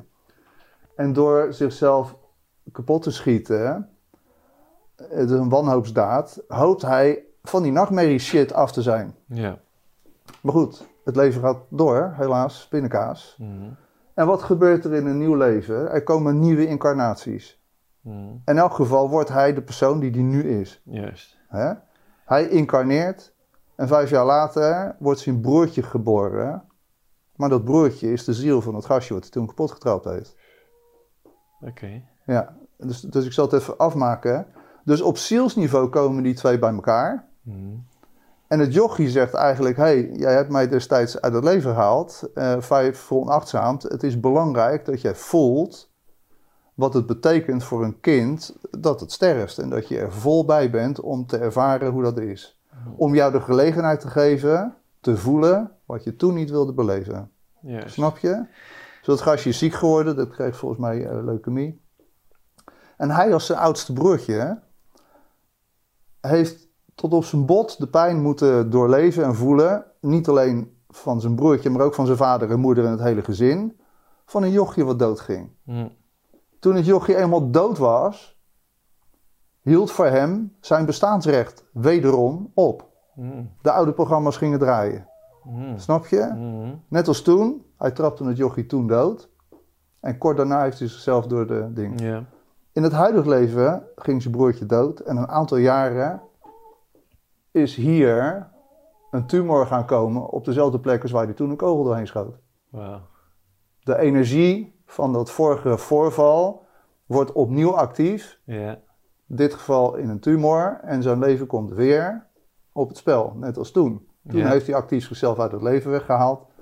En nu heeft hij besloten, eh, oké, ik moet weer hier mee geconfronteerd worden. Maar hij heeft het overleefd. Hè? Ja. Ja. Waarmee hij de pijn van het verlies van zijn broertje en daarmee zijn daderschap van toen door het leven kon. Ja. Dus, als jij iemand zou vragen, terwijl daar een jochie van vijf in een ziekenhuis ernstig ziek ligt te zijn, van het, zou, het heeft zo moeten zijn, dan zegt iedereen van, ben je wel goed bij je hoofd. Ja. Maar met deze uitleg snap je dat het wel zo is. En die zielencontracten die worden gemaakt, daar ga ik niet over en jij niet over nieuw. Dat gaan die, dat regelen die, die zielt hij zelf. Wij hebben ook Ja. zielencontracten met anderen overigens.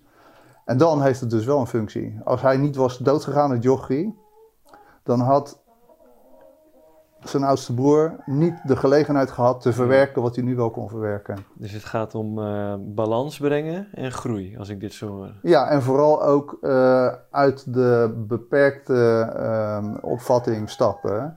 Ja. eh, met te zeggen, nou, dat kan nooit een doel dienen. Dat is te emotioneel, dat is te heftig. Ja, het, het dient allemaal een doel. Ja. Alleen, het is best wel lastig vanuit onze perceptie dat te zien. Omdat we niet Ja. spiritueel bewust zijn over het algemeen. Wat een verhaal. Ik heb zelf ook nooit regressietherapie gedaan. Ik weet ook niet goed, maar hoe, hoe werkt dat? Hoe, hoe komt die man bij die inzichten dat hij dat in een vorig leven heeft beleefd? Ja, het is natuurlijk zo. Kijk, ik heb natuurlijk duizenden van dit soort verhalen. Als je die allemaal op een hoop gooit, dan ga je wel een beetje zien hoe het spelletje werkt. Ja, ik wil ja. niet zeggen dat ik er dan van afvlak. Het is Mhm. allemaal emotioneel. Hmm. Maar dan zie je dat er een andere waarde gaat, gaat uh, spelen in de manier waarop je naar dingen kijkt. Hè? Mm. Maar uh, ja, hoe werkt het? Kijk, mensen komen gewoon in mijn praktijk omdat ze klachten hebben. Uh, anders komen ze niet. En die klachten zijn in feite dus de, de, de, de, de fragmenten die overgebleven zijn uit ervaringen die niet goed opgelost achter zijn gebleven. Mm. En um, dat, dat kan uh, emotioneel zijn, dat kan fysiek zijn, dat kan mentaal zijn of een combinatie van die factoren. Mm. En ja, als je die klachten leert beluisteren en leert uh, specificeren, dan gaat de juiste therapeut uh, ontdekken natuurlijk hoe je met die klachten het oorspronkelijke verhaal erbij kan halen. Ja. En dan komt zo'n verhaal op, want dat verhaal dat je er net vertelde, dat is niet mijn interpretatie, dat is een verhaal wat uit hem nee, zelf dat, komt. Uh, dat, maar, dus hij komt binnen en dan gaat u maar liggen meneer, of hoe, hoe krijg jij die ervaring naar boven? Want hij komt niet binnen met dat verhaal, toch? Maar hij kan zeggen dat hij uh, uh, in dit leven ver verliefd is geworden en dat er een kinderwens komt. Ja. En dat hij uh, bij het idee aan vader te worden uh, een gigantische angst krijgt. Ja, ja, ja. En dat dat een insteek is voor een therapeutisch proces. Dus dan ga ik analyseren of speciaal, wat is, waar gaat je angst over? En dan ga je bijvoorbeeld ontdekken dat hij bang is dat als hij vader zou worden, dat hij tot ernstige dingen in staat is. Ja. En dan, uh, dat gaat hij zelf zeggen. En dan ga ik zeggen, maar waar moet je dan als eerst aan denken? Mm -hmm. Nou, dan gaat hij het misschien over zijn broertje hebben. Ja. Hè? En dan zegt hij misschien, ja, ik had meer beter voor hem moeten zorgen. Mm -hmm. Hij is doodgegaan, maar ik had voor hem moeten zorgen. Maar wat had je kunnen doen dan? Hè? Dat weet ik niet, maar ik heb het gevoel dat het door mij komt. Ja, ja. Ja, en zo kom je het vanzelfde verhaal in. Dus je zit daar gewoon nuchter te praten en te voelen en Ja. met emoties erbij. En hij deelt beelden die in hem opkomen. En dan ineens een beeld van ik was een Duitse SS-soldaat in een kamp. Ja. Heftig, maar ook knap dat hij dat durft uit te spreken dan. Nou ja, zeker. Maar dit, is dus, uh, dit, dit gebeurt in settings natuurlijk, uh, in een veilige therapeutische setting. Ja. Maar uh, joh, je wil niet weten hoeveel SS'ers er onder ons zijn. Of Joodse mensen, of weet ik veel. Hè? Al die figuurtjes Ja. uit de geschiedenis. Mhm. En vooral ook degene die we geneigd zijn het meest te veroordelen, die bevinden zich gewoon onder ons. ja. En wij lopen hier heel schijnheilig net zo, te, net zo te, doen alsof wij dat allemaal niet zijn. Nou, ik heb heel grappig tussen haakjes. Twee weken geleden letterlijk eh, een ervaring gehad hierin. Anders had ik dit maar ja, moeten aanhoren en, en voor waar aan moeten nemen. Maar eh, nu snap ik hem, want ik heb zelf ook ineens een ervaring gehad over een vorig leven. Wat voor mij eigenlijk alles op zijn plek heeft doen vallen van mijn doen en laten in dit leven. Dat is mooi. Inclusief karaktertrekjes en ook eh, het georganiseerde misbruikstuk waarom ik eh, daarmee bezig ga. Die mensen vragen aan mij wel eens van "Wa- waarom ben je daarmee bezig? En ik denk dan ja, maar waarom niet? Mhm. Weet je, maar dat is zo'n inderdaad dan nu zo'n verklaring. Weet je, ik heb daar in een vorig leven mee te maken gehad. Ja, maar dat is mooi dat je het inbrengt. Kijk, en dan denk ik altijd van, want ik ben altijd geneigd om mensen die daar zich over gaan uiten meteen in bescherming te willen nemen. Maar hoe zou het zijn als we gaan beseffen dat wij al die rollen gespeeld hebben? Ja. Hoe, hoe zou het zijn als wij beseffen dat als wij nu ons druk maken om mensen die honger hebben eten te geven, voortkomt uit een omgeving waarin we het ze afgenomen hebben? Ja. Hoe komt het dat wij allemaal bezig zijn de wereld te willen verbeteren enzovoort? Eh, hoe zou het zijn op het moment dat we gaan zien dat de pijn die we daar zien in feite de pijn is waar we onszelf verantwoordelijk voor voelen? Ja. Hoe onwijs is het als dat besef komt Ja. en dan wordt het een heel bewerkbaar model? Ja. Dan hoeft het ook niet meer zo ingewikkeld. De therapeutische processen die, ze, die gaan, eh, die gaan eh, eh, hoe zeg je dat, minder diep of zo. Mhm. Omdat dat besef gewoon onder ons komt. Ja. En hoe meer het onder ons komt, hoe meer het harmoniseert. Ja. Maar ja, dat is natuurlijk de stap van de derde naar de vierde dimensie. Mhm. Vandaar dat ik altijd zeg dat het voor heel veel mensen aantrekkelijker is om vast in die vijfde te zitten. Mhm. Want dan kunnen ze alle confrontaties die in de vierde nodig zijn om dit besef te krijgen, kunnen ze bijpassen. Ja. Precies, maar als dat er wel is, ja, dan, dan wordt alles natuurlijk anders. Wij hebben die hele geschiedenis belichaamd. Ja. En waar wij ons nu voor druk maken, ja, dat is precies wat jij zegt. De ene met kinderen, de ander met eten, de ander met dit, de ander met dat. Ja. Ja, daar waren we zelf natuurlijk ook in actief. En hoe moet ik het woordje wij opvatten? Ik bedoel, van een ziel die letterlijk van het ene leven, mensenleven, naar het andere mensenleven gaat, weet je, dan, dat, dat voel ik. maar is het ook een wij in een vorm van collectieve zin? Dat ik misschien niet zelf mijn ziel letterlijk bepaalde dingen heeft gedaan, maar het collectief wel, waarin een soort eenheid in zit? Of hoe moet ik dat zien? Ja, nou ja, als je het me vraagt. Kijk, oké, als ik het zwart-wit Jep en Janneke uitleg, dan zijn wij in essentie een ziel. Je kan het een levensvonk noemen, Ja. met een hoeveelheid levenspotentieel daaromheen. Mhm. En dat zieltje, dat kan je best een naam geven, Pietje of Arie of uh, Truusje. Ja. En die gaat door verschillende mensenlevens, door mensengedaanten, levenservaring opdoen. En als zo'n levenservaring eruit bestaat dat je zover komt dat je een keer een kind iets aandoet. Dan betekent het dat die ziel verantwoordelijkheid draagt voor die specifieke ervaring. Maar ik weet inmiddels ook wel dat de ervaringen zo heftig kunnen zijn en zoveel schaamte en schande om ze, dat het collectiefachtige verhaal aantrekkelijker is. Ja. Want dan ben je namelijk persoonlijk niet meer verantwoordelijk. ja, dat is ook weer een programma wat we hier eh Nou, naar buiten wijzen. Ja, en dat is, dat, zo, we zijn echt wel heel erg sneaky hoor.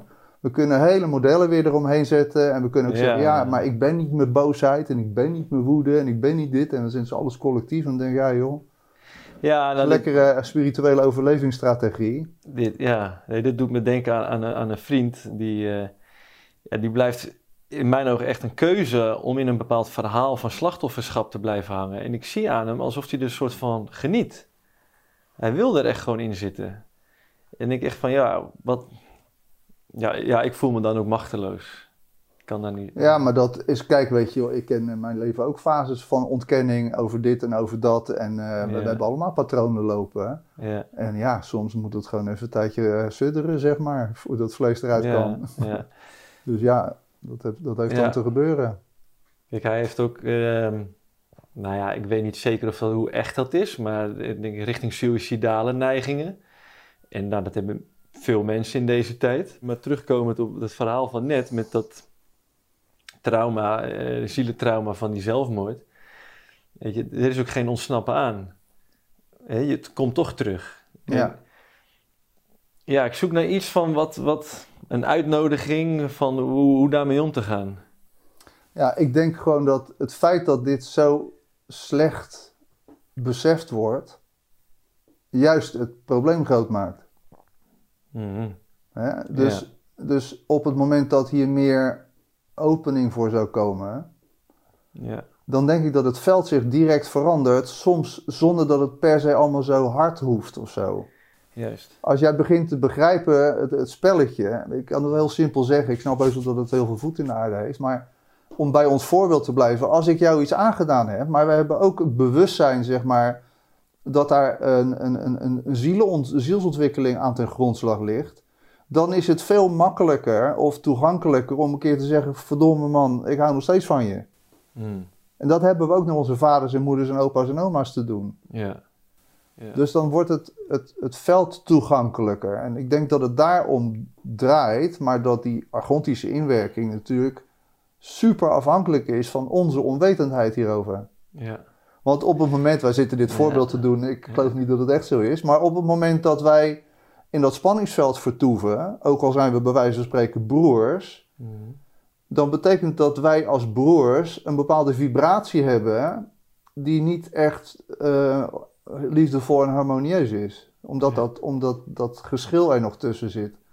Maar zodra die er wel komt, ja. dan gaat de energie, de levensenergie tussen ons, exponentieel groeien. Ja. Waardoor het krachtenveld rondom ons heen echt heel stevig gaat worden. En wij eigenlijk alleen maar onbereikbaarder worden Ja. voor de inwerking van die figuren. Ja, ik voel hem. We hebben eigenlijk een cultuur van eh, wegkijken, weglopen in plaats Ja. van aankijken, aanpakken. En dat vind ik zelfs lastig, want als ik nou over moet, moet uitleggen over die, die samenhang, ik heb nou dan een voorbeeld genoemd. Kijk, mensen die horen het voorbeeld aan, hè? en het komt Mhm. altijd uit mijn mond. Mm. Het is veel sterker om het uit de mond van iemand anders te horen die het echt heeft meegemaakt. Ja.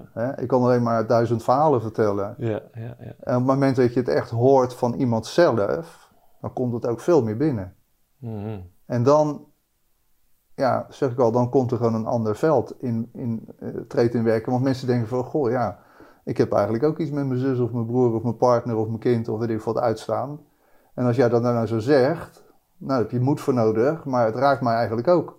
Mm, Maar we- waarmee ik wil zeggen dat dat, dat medicijn gaat olievlekken. juist. En dat merk ik wel als ik lezingen geef of zo. Ja. En dan breng ik allemaal van die voorbeelden te sprake. Mhm, En er is altijd standaard een hele berg reactie van... Goh, ik heb ineens over opa gedroomd. Of ik kon ineens mijn vader een knuffel geven. Of dit of dat. En dan denk ik, ja, wat doe ik nu eigenlijk? Ik breng alleen die herkenning terug of zo. En hoe lang geef jij die lezing al? Over die onderwerpen, nou, 15 jaar of zo. En zie jij een verandering in hoe het ontvangen wordt?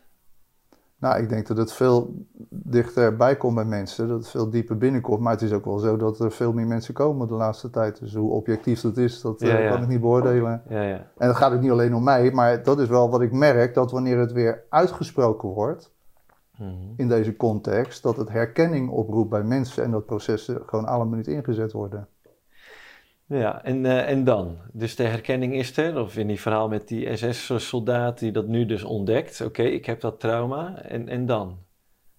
Wat gebeurt er dan? Hoe, hoe wordt dat geheeld? Of Nou ja, het is natuurlijk zo dat ehm, zo'n SS-soldaat. ehm, weet je, het is een, een, een rol die gespeeld is in een traject van vele levens. En één daarvan is natuurlijk die rol. Mhm.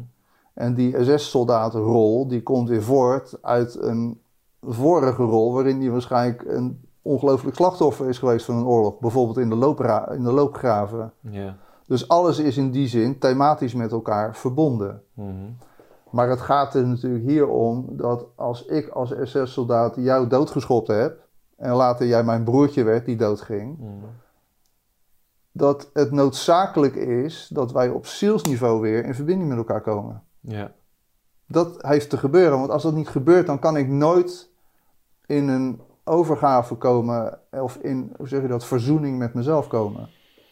Dus ik kan dat niet met hem of haar oplossen als het zich tussen ons heeft afgespeeld. Je hebt echt die specifieke ziel weer te ja, vinden want wij dragen balans. samen het potentieel van de oorspronkelijke ervaring. Ja. En daar heeft het te helen. En op het moment dat het geheeld wordt, dan is het gevolg ervan dat die persoon niet meer over zichzelf kan zeggen: Ik ben niet goed genoeg, ik verdien het niet om te leven. Mhm.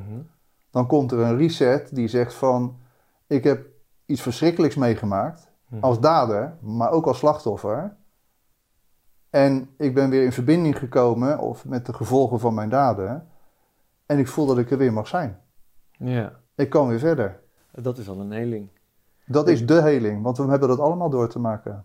Ik weet niet of ik het nou goed begrepen heb. Want dat broertje is overleden.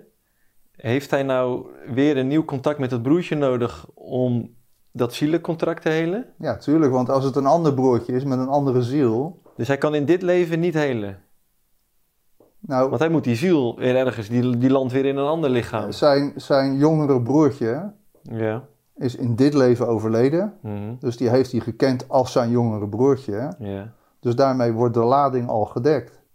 Dus die twee zieltjes die zijn vanuit dat Ah, vorige scenario dat- alweer op Dat was de balancerende actie. Zeker, dat is de, re- de return op die gebeurtenis. Oké. Nou, als je dan bedenkt dat... eh, Oh wauw, dus ik, ik moet hem even laten landen hoor. Want vanuit mijn aardse blik, als jij tien jaar bent en je broertje van vijf overlijdt, zou dat voor mij het trauma zijn. Maar nu met dit verhaal is het juist de balancering van ouder trauma. jij snapt het precies. En daarom gebeuren die dingen. Oké. Dus dan kan je zeggen, mijn dode broertje is een op zichzelf staand trauma, vanzelfsprekend. Ja. Als jij op jonge leeftijd je broertje kwijtraakt, daar hebben we heel veel mensen hebben van alles meegemaakt, dan is dat een trauma wat verwerkt zal moeten worden. Ja. Maar wat nu duidelijk wordt, is dat die gebeurtenis niet een op zichzelf staande gebeurtenis was, maar dat het de heractivatie is van een nog veel dieper stuk uit een eerder leven. Ja, mijn, mijn hoofd ontploft bijna. De Niet doen, niet doen. maar de- de, de de, imp- een zootje hier. En maar de implicaties hiervan, dat is, dat is wereldomvattend. Ja, dat is het ook. Daarom ben ik zo enthousiast over dit werk. Ja, nou, dankjewel dat je dat doet. Ik ben blij ook dat ik doorvraag. Ja, mooi. Dat moet je ook zeker doen. Ja. Dus alle, alle eh, gebeurtenissen die zich hebben afgespeeld in iemands huidig leven.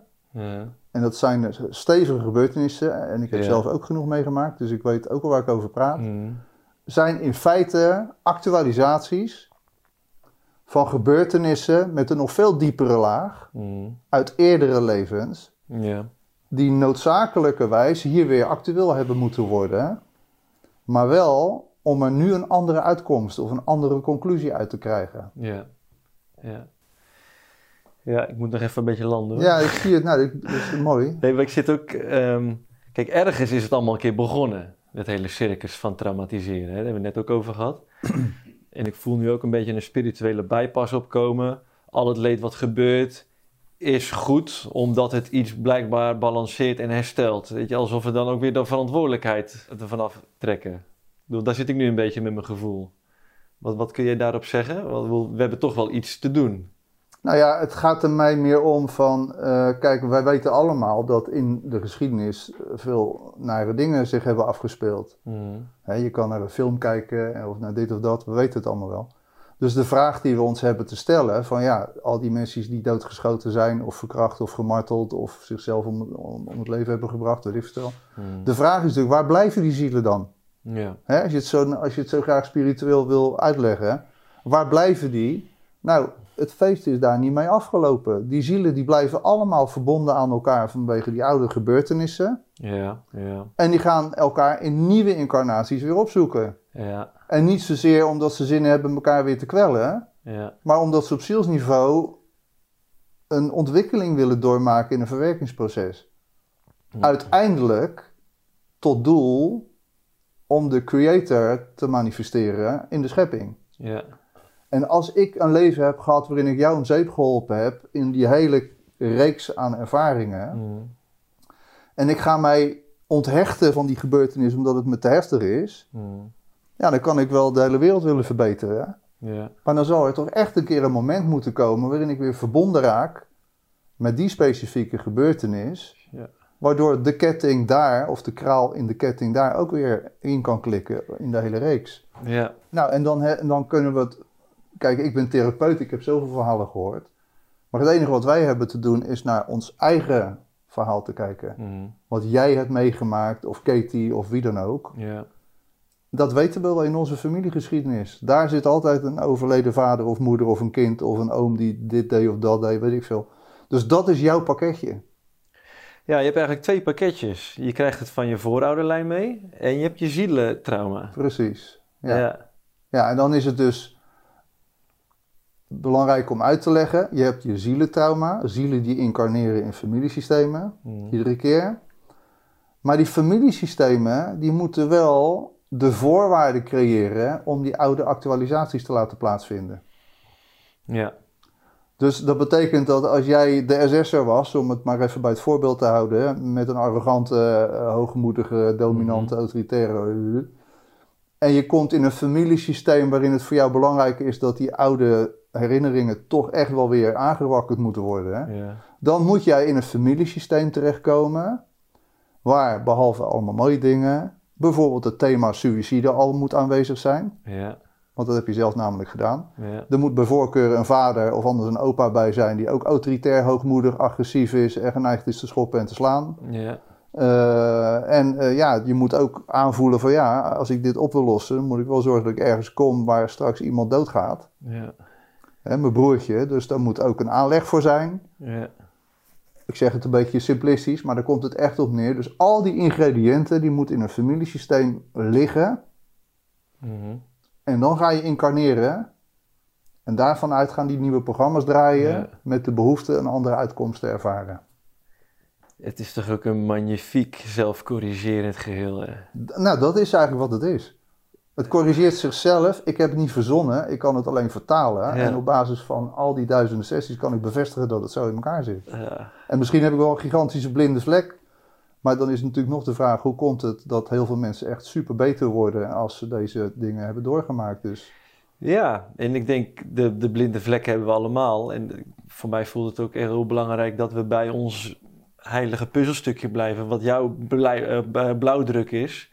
En dat we elkaar vinden en daarin gaan aanvullen en respecteren. Ja, wat jij te brengen hebt, klopt. ja, En dat mijne sluit daarop aan. En, en zo kunnen we echt weer een kloppend fundament maken van... prachtig mooi. Ja. Dat is precies wat, zo voelt het voor mij ook. Mm, Want de geschiedenis was heftig. We hebben van alles uitgevroten. Dat lijkt voor mij geen twijfel. ja, Maar het klimaat wat gecreëerd, het klimaat, ik bedoel energetisch dan. ja, Wat er nu is, is buitengewoon geschikt om te voelen van, goh joh, ik heb jou iets aangedaan en jij mij, weet ik vertel, maar laten we samen een biertje drinken. Of Ja, eh, een ja. glas karnemelk, maar ook. Maar Ja. snap je dus? En terwijl een 100 jaar geleden in de energie nog veel te weinig kruipolie in die energie zat. Ja. Snap je? Het was allemaal nog veel hortender en stotender. Dus die vierde dimensie energie of het waterman tijdperk energie houdt ook in dat het veel makkelijker voort kan vloeien. Ja. Zo, dus dat is een mooie tijd. Maar Ja. die krachten worden ook door de andere agenda's gebruikt. Hè? ja. Dat is een beetje wat nu een soort gelijk opgaat. Nee, dat voel ik ook. En eh, dat is een vraag die ik jou wilde stellen. Eh, weet je, er wordt vaak naar die andere kant gewezen, het kwaad. En Ja, Na alles wat ik heb geleerd de laatste jaren, eh, zeker de laatste maanden, is eigenlijk kan ik niet meer spreken van het kwaad. Eigenlijk eh, zie ik alleen nog maar het trauma. Als je ver genoeg kijkt wat dat dan drijft, wat daarachter zit, Mhm. is het uiteindelijk allemaal begonnen ja, met een soort vergissing.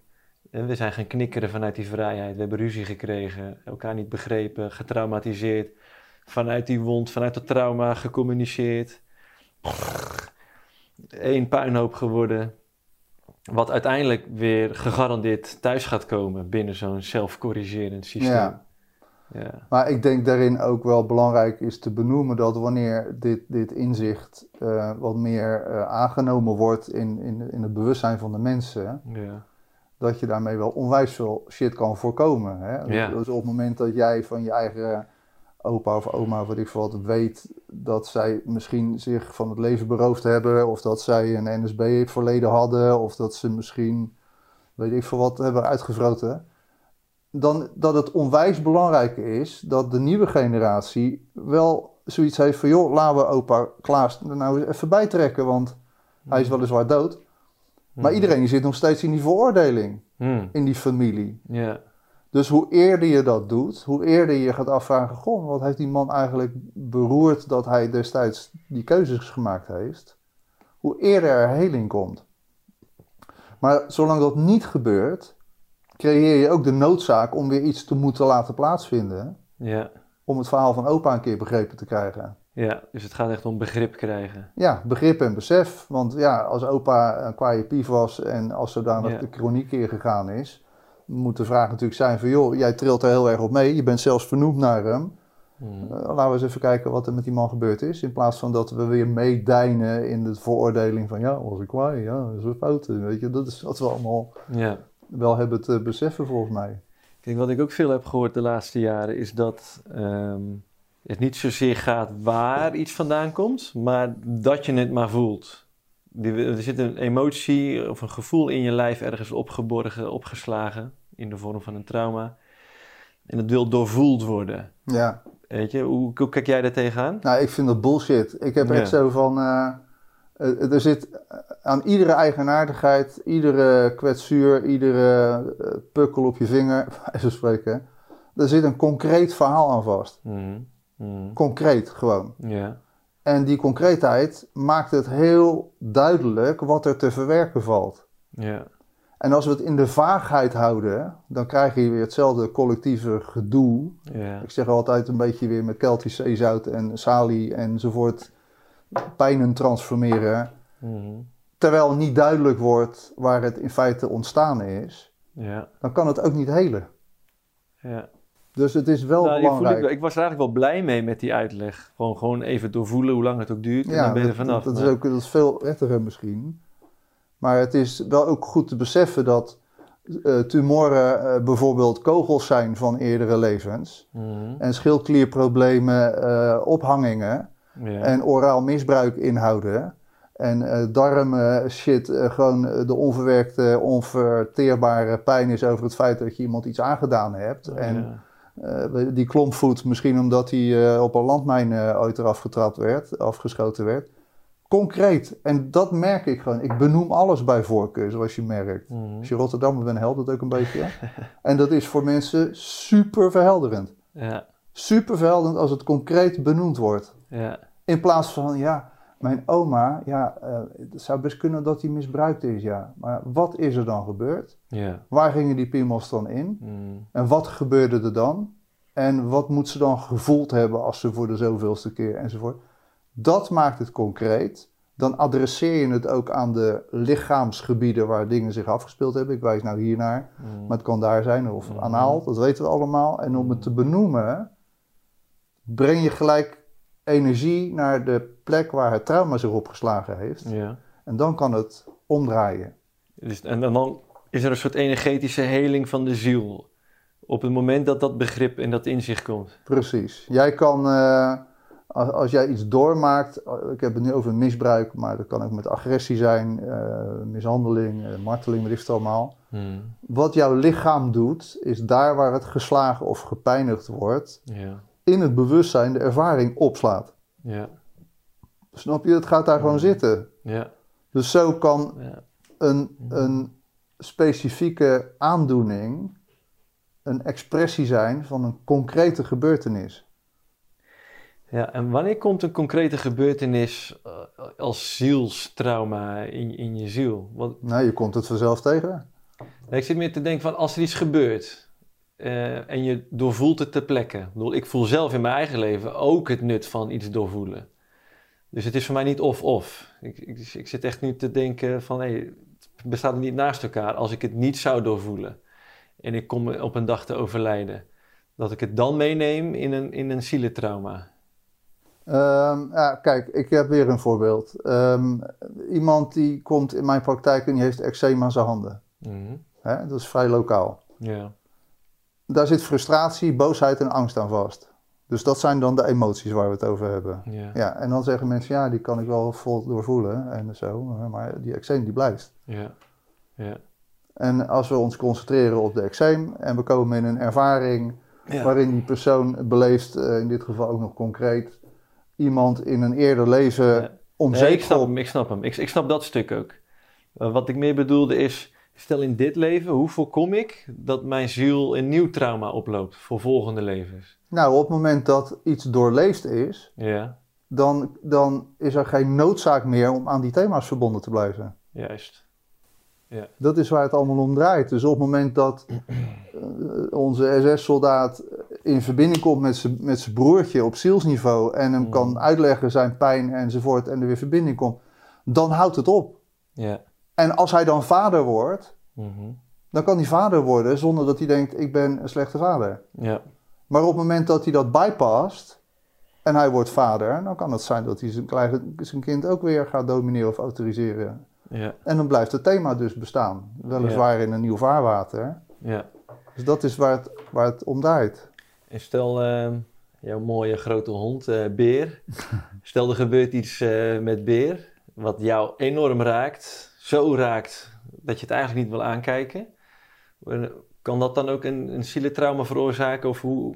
Ik denk dat dat zo mijn, mijn vraag concreter wordt, denk ik. Nou ja, ik denk eh, dat, dat eh, is een logische reactie dat als er iets heftigs gebeurt, dat je het niet meteen wil aankijken.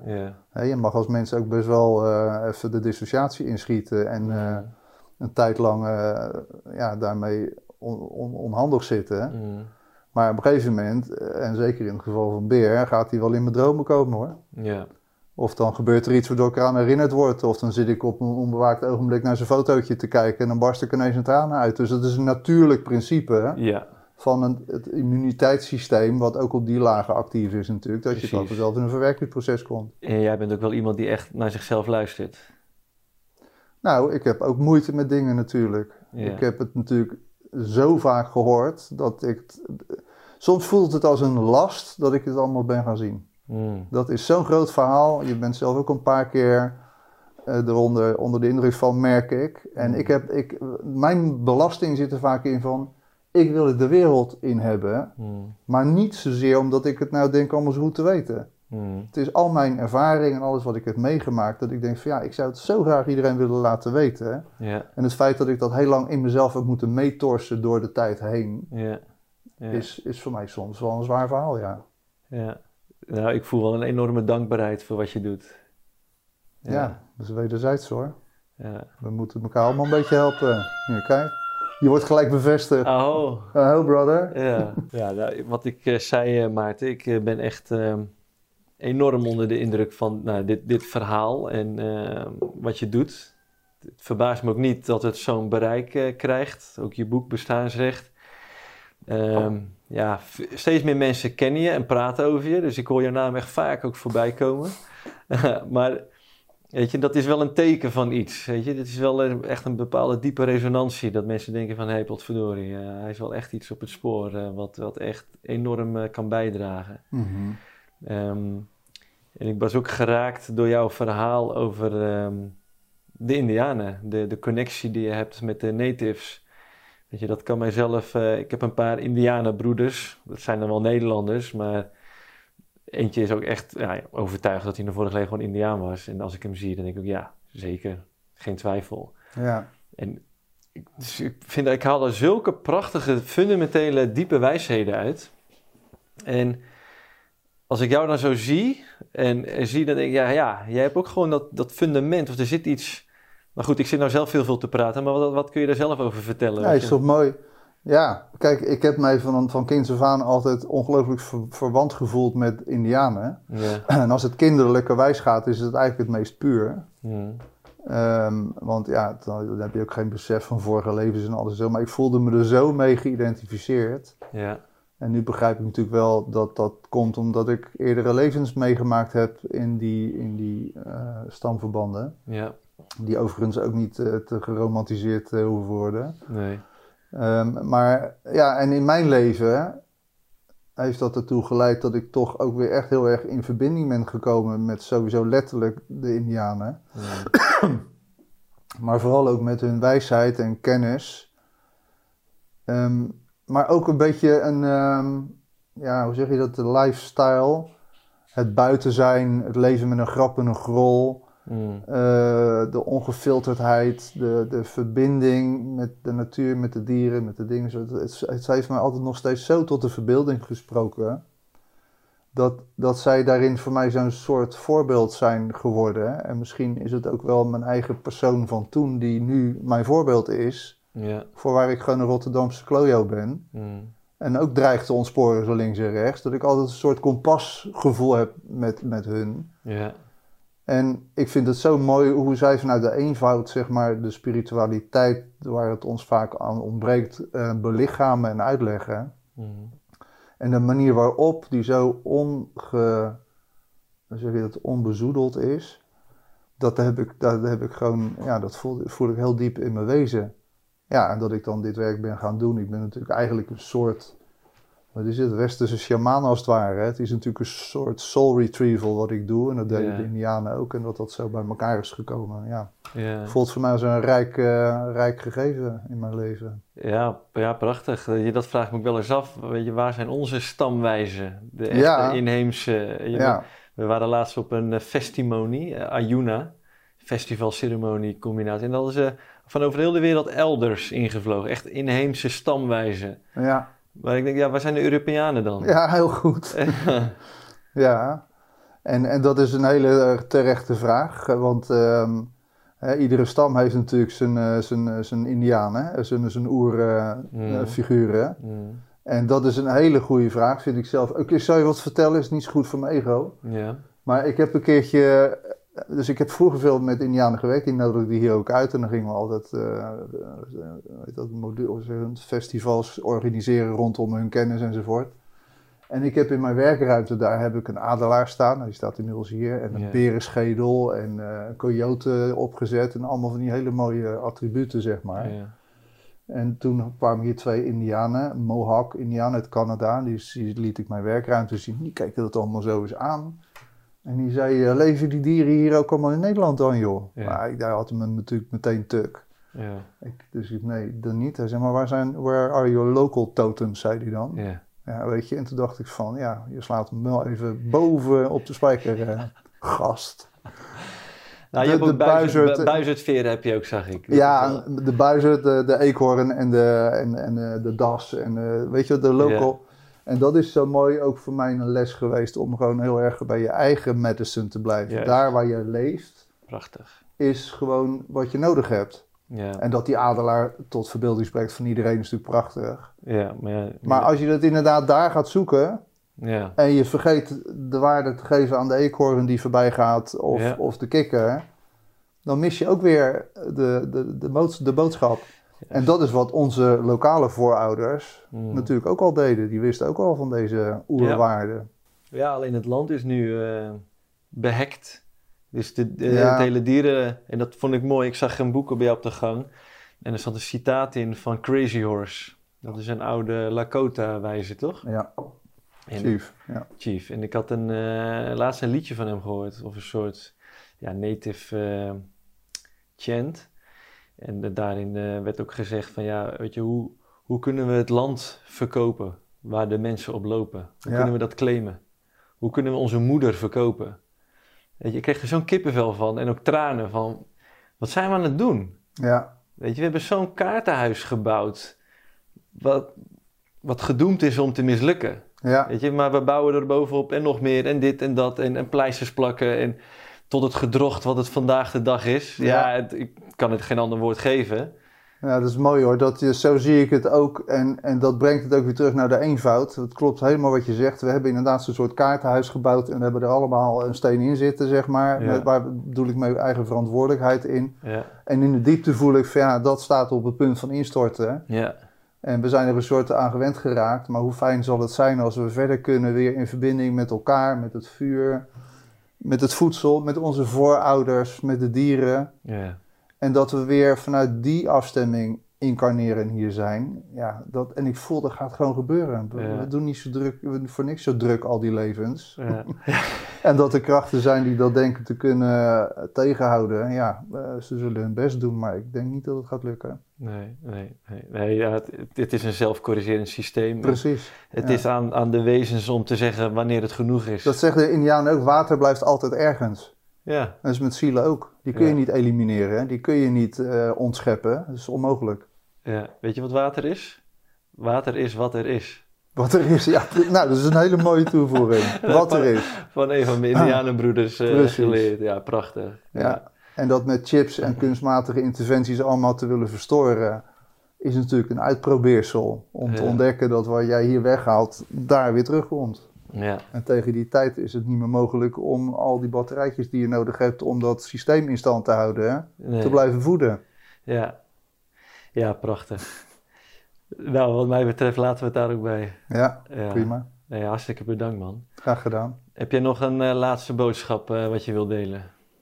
Nou, ik, ik, ik, ik zeg altijd toch eh, van, dat ik iedereen die hier naar luistert en die het interessant vond, wil aanraden om met een hernieuwde blik zijn familie eh, achtergrond in te stappen. En het onderzoeken en dan vooral daar te kijken waar de donkerste plekjes zitten. Ja, Dat weet je vanzelf. Daar is het meest te halen. dus de, en de eigen klachten, het eigen lichaam is daar zeg maar de, de richtingaanwijzer in, waar je te zoeken hebt. Ja, dat hoeft niet per se. Maar in feite is het wel zo dat wanneer jij iets serieus eh, hebt waar je last van hebt, dat de oorsprong van dat altijd in de voorouderlijn te vinden is. Juist. Ja. Dat je kunt niet iets serieus ontwikkelen zonder dat het resoneert met een van je voorouders. En inmiddels weet ik al dat het voor veel mensen veel nieuws is. Ja. Hè? Het is meer omdat het allemaal weggezet is. En, en dat die mensen toen, met wat zij meemaakten, maar één oplossing hadden. En dat was natuurlijk, daar praten we niet over. ja. Roept er toch weer een nieuwe vraag bij me op. Kom door. Kijk, de, sinds de jaren 50, 60 geloof ik, is het aantal chronisch zieken van 2% naar meer dan de helft van de bevolking gegaan. Ja. Weet je, is dat ook dan voorouderlijn of zielentrauma? Nee, dat- komt omdat de meeste incarnaties in die periode reïncarnaties zijn van mensen die in de oorlog doodgingen. Ja, ja, Dus die dragen collectief oorlogstraumatiek met zich mee. ja. En dat vertaalt zich onder invloed van allerlei andere dingen naar chronische En aandoeningen. is dat echt exclusief wat je zegt? Want ik hoor heel veel mensen zeggen, het komt door straling, het komt door Nee, allerlei ja. medicatie, voeding is achteruit gegaan. Dus, zijn er ook ziekmakers of is het echt in jou exclusief? De oorsprong van die dingen ligt niet in die externe factoren. Ja, Die externe factoren, bewust, die houden het natuurlijk in stand en die blazen het nog extra op. ja, ja. Maar Maar als de er geen trauma's- voedingsbodem is, word jij niet ziek. Daar komt het op neer, ja. Juist. ja. Dus de maar dat is ook een oude zienswijze. hè. Het komt door de straling, het komt door de voeding, het komt door de fluor, het komt door dit. Nee, dat is het kleren zo allemaal. Dus het is super belangrijk daar bewustzijn over te hebben. Ja, Maar al die invloeden, die zijn zout in de wond die er al zit. ja. En daar draait het natuurlijk om, om dat on te onderhouden. Nou, er valt weer een hoop op zijn plek eh, bij mij. Weet je, waarom wordt de een wel doodziek en de ander, ander niet? Op, op verschillende vlakken. Ja, maar kijk, ik snap nooit van als je enig, enig zielsbesef hebt, dan snap je dat in de oorlog in Nederland alleen al, en dan nog niet over Duitsland en Frankrijk en België, onwijs veel mensen doodgegaan zijn Mm. onder dramatische omstandigheden. Dat om te beginnen. Heel veel mensen zijn kort na de oorlog overleden als gevolg van opgelopen trauma. Ik ben niet goed genoeg, ik zat bij de NSB, verdien niet om te leven. Dingen die niet uitgesproken mogen worden. eh, jonge vrouwen die nu oma's zijn die seks hadden met een Duitse soldaat. Ja, Je gaat het niet opnoemen. Al die mensen zijn zeg maar in die periode dood gegaan. ja, Die zielen die blijven ergens. ja. Die reïncarneren betrekkelijk kort na de oorlog. Ja. En die gaan al die thema's energetisch met, gaan ze meenemen. En je ziet het in de statistieken terug. En je ziet het in de statistiek terug, dus het is toch logisch?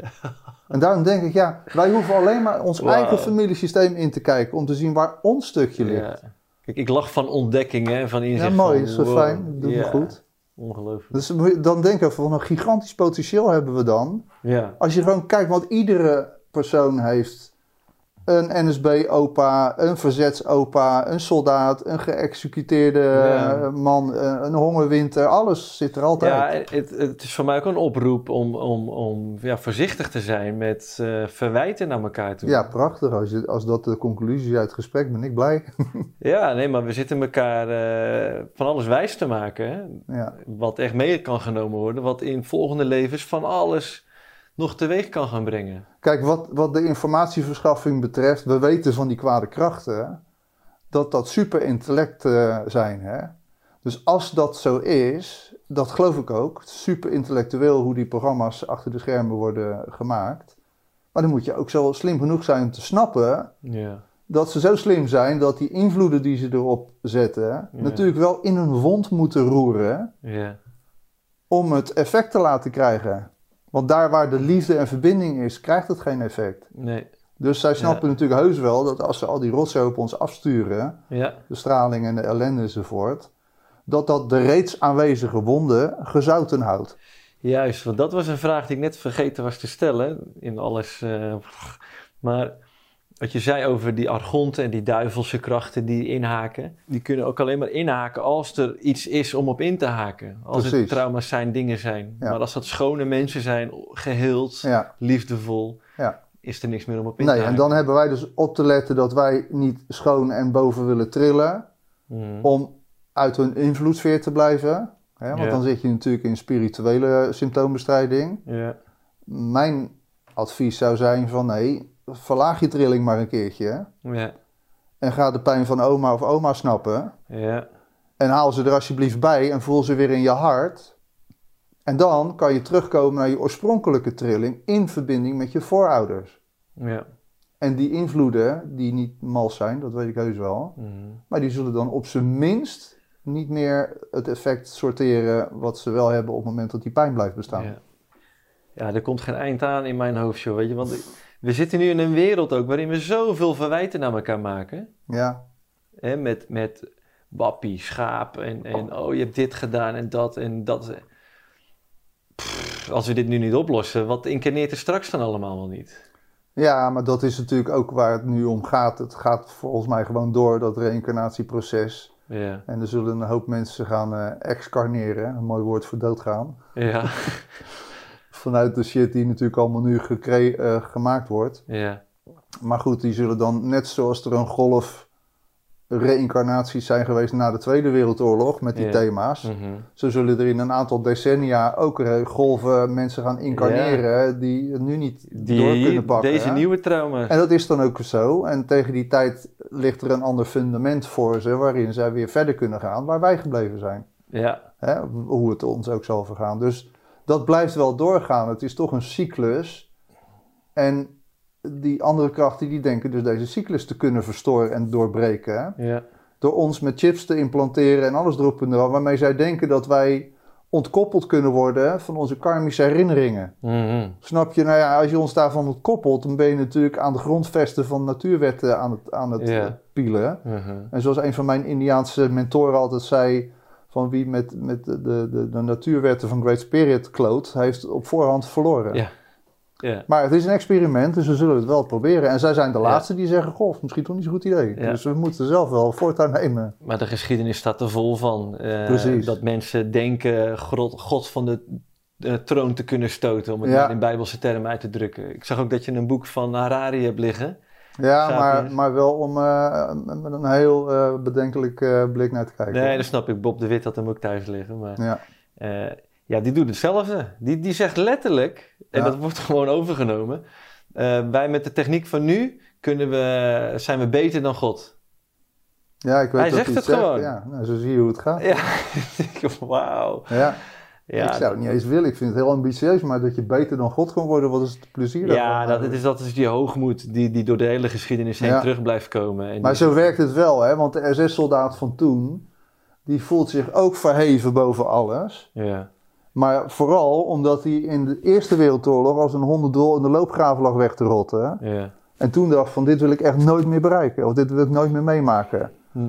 Dus de, de, de, de, de, sentimenten van de, van de bevolking worden ook wel zodanig gespeeld... dat wij zelf ook die extreme uiterste rollen innemen. ja. Dus wat deze man eh, betreft zou het me niet verbazen... als hij zeer zwaar oorlogsgetraumatiseerd is in de Tweede Wereldoorlog. Oh, ja. En dat de pijn dermate groot is dat hij misschien nu hier een oplossing in ziet. Dat hij dat zo wil overstijgen Anders, en ja. daar een hele doctrine omheen bouwt. Omdat hij niet meer aan zijn eigen pijn herinnerd wil worden en heel veel medestanders nodig heeft. Ja. Maar goed, het is een hypothese, maar ehm Nee, je moet ja, wel ik, op het ik, idee eh, komen. ik hoor je. Ik, eh, ik heb ook een hoop eh, te laten landen naar dit gesprek. Jeetje, wauw. Heb je nog een allerlaatste boodschap? Nee, nee, ik heb al veel verteld volgens mij. nee hoor, het is goed. Oké, Ja. nou dankjewel man. Ja. Nou, beste kijkers, dan zijn we weer aan het einde van de elfde aflevering. Ik hoop dat jullie ervan hebben genoten. Ik wel enorm. Echt, het, eh, dat was ik wel te zien, denk ik. Eh, nou ja, nogmaals, onze website www.tijdboeklumens.nl. Laat daar ook een reactie achter. Dat vinden we heel fijn om te lezen wat het allemaal teweeg brengt. Ehm, je kan het ook een duimpje geven op YouTube. Dan eh, kunnen meer mensen de video ontdekken. Dan heeft het een groter bereik. Ehm, ja, en deel het vooral met je, met je netwerken, met je naasten. Dus eh, nou, heel veel dank daarvoor en tot sowieso.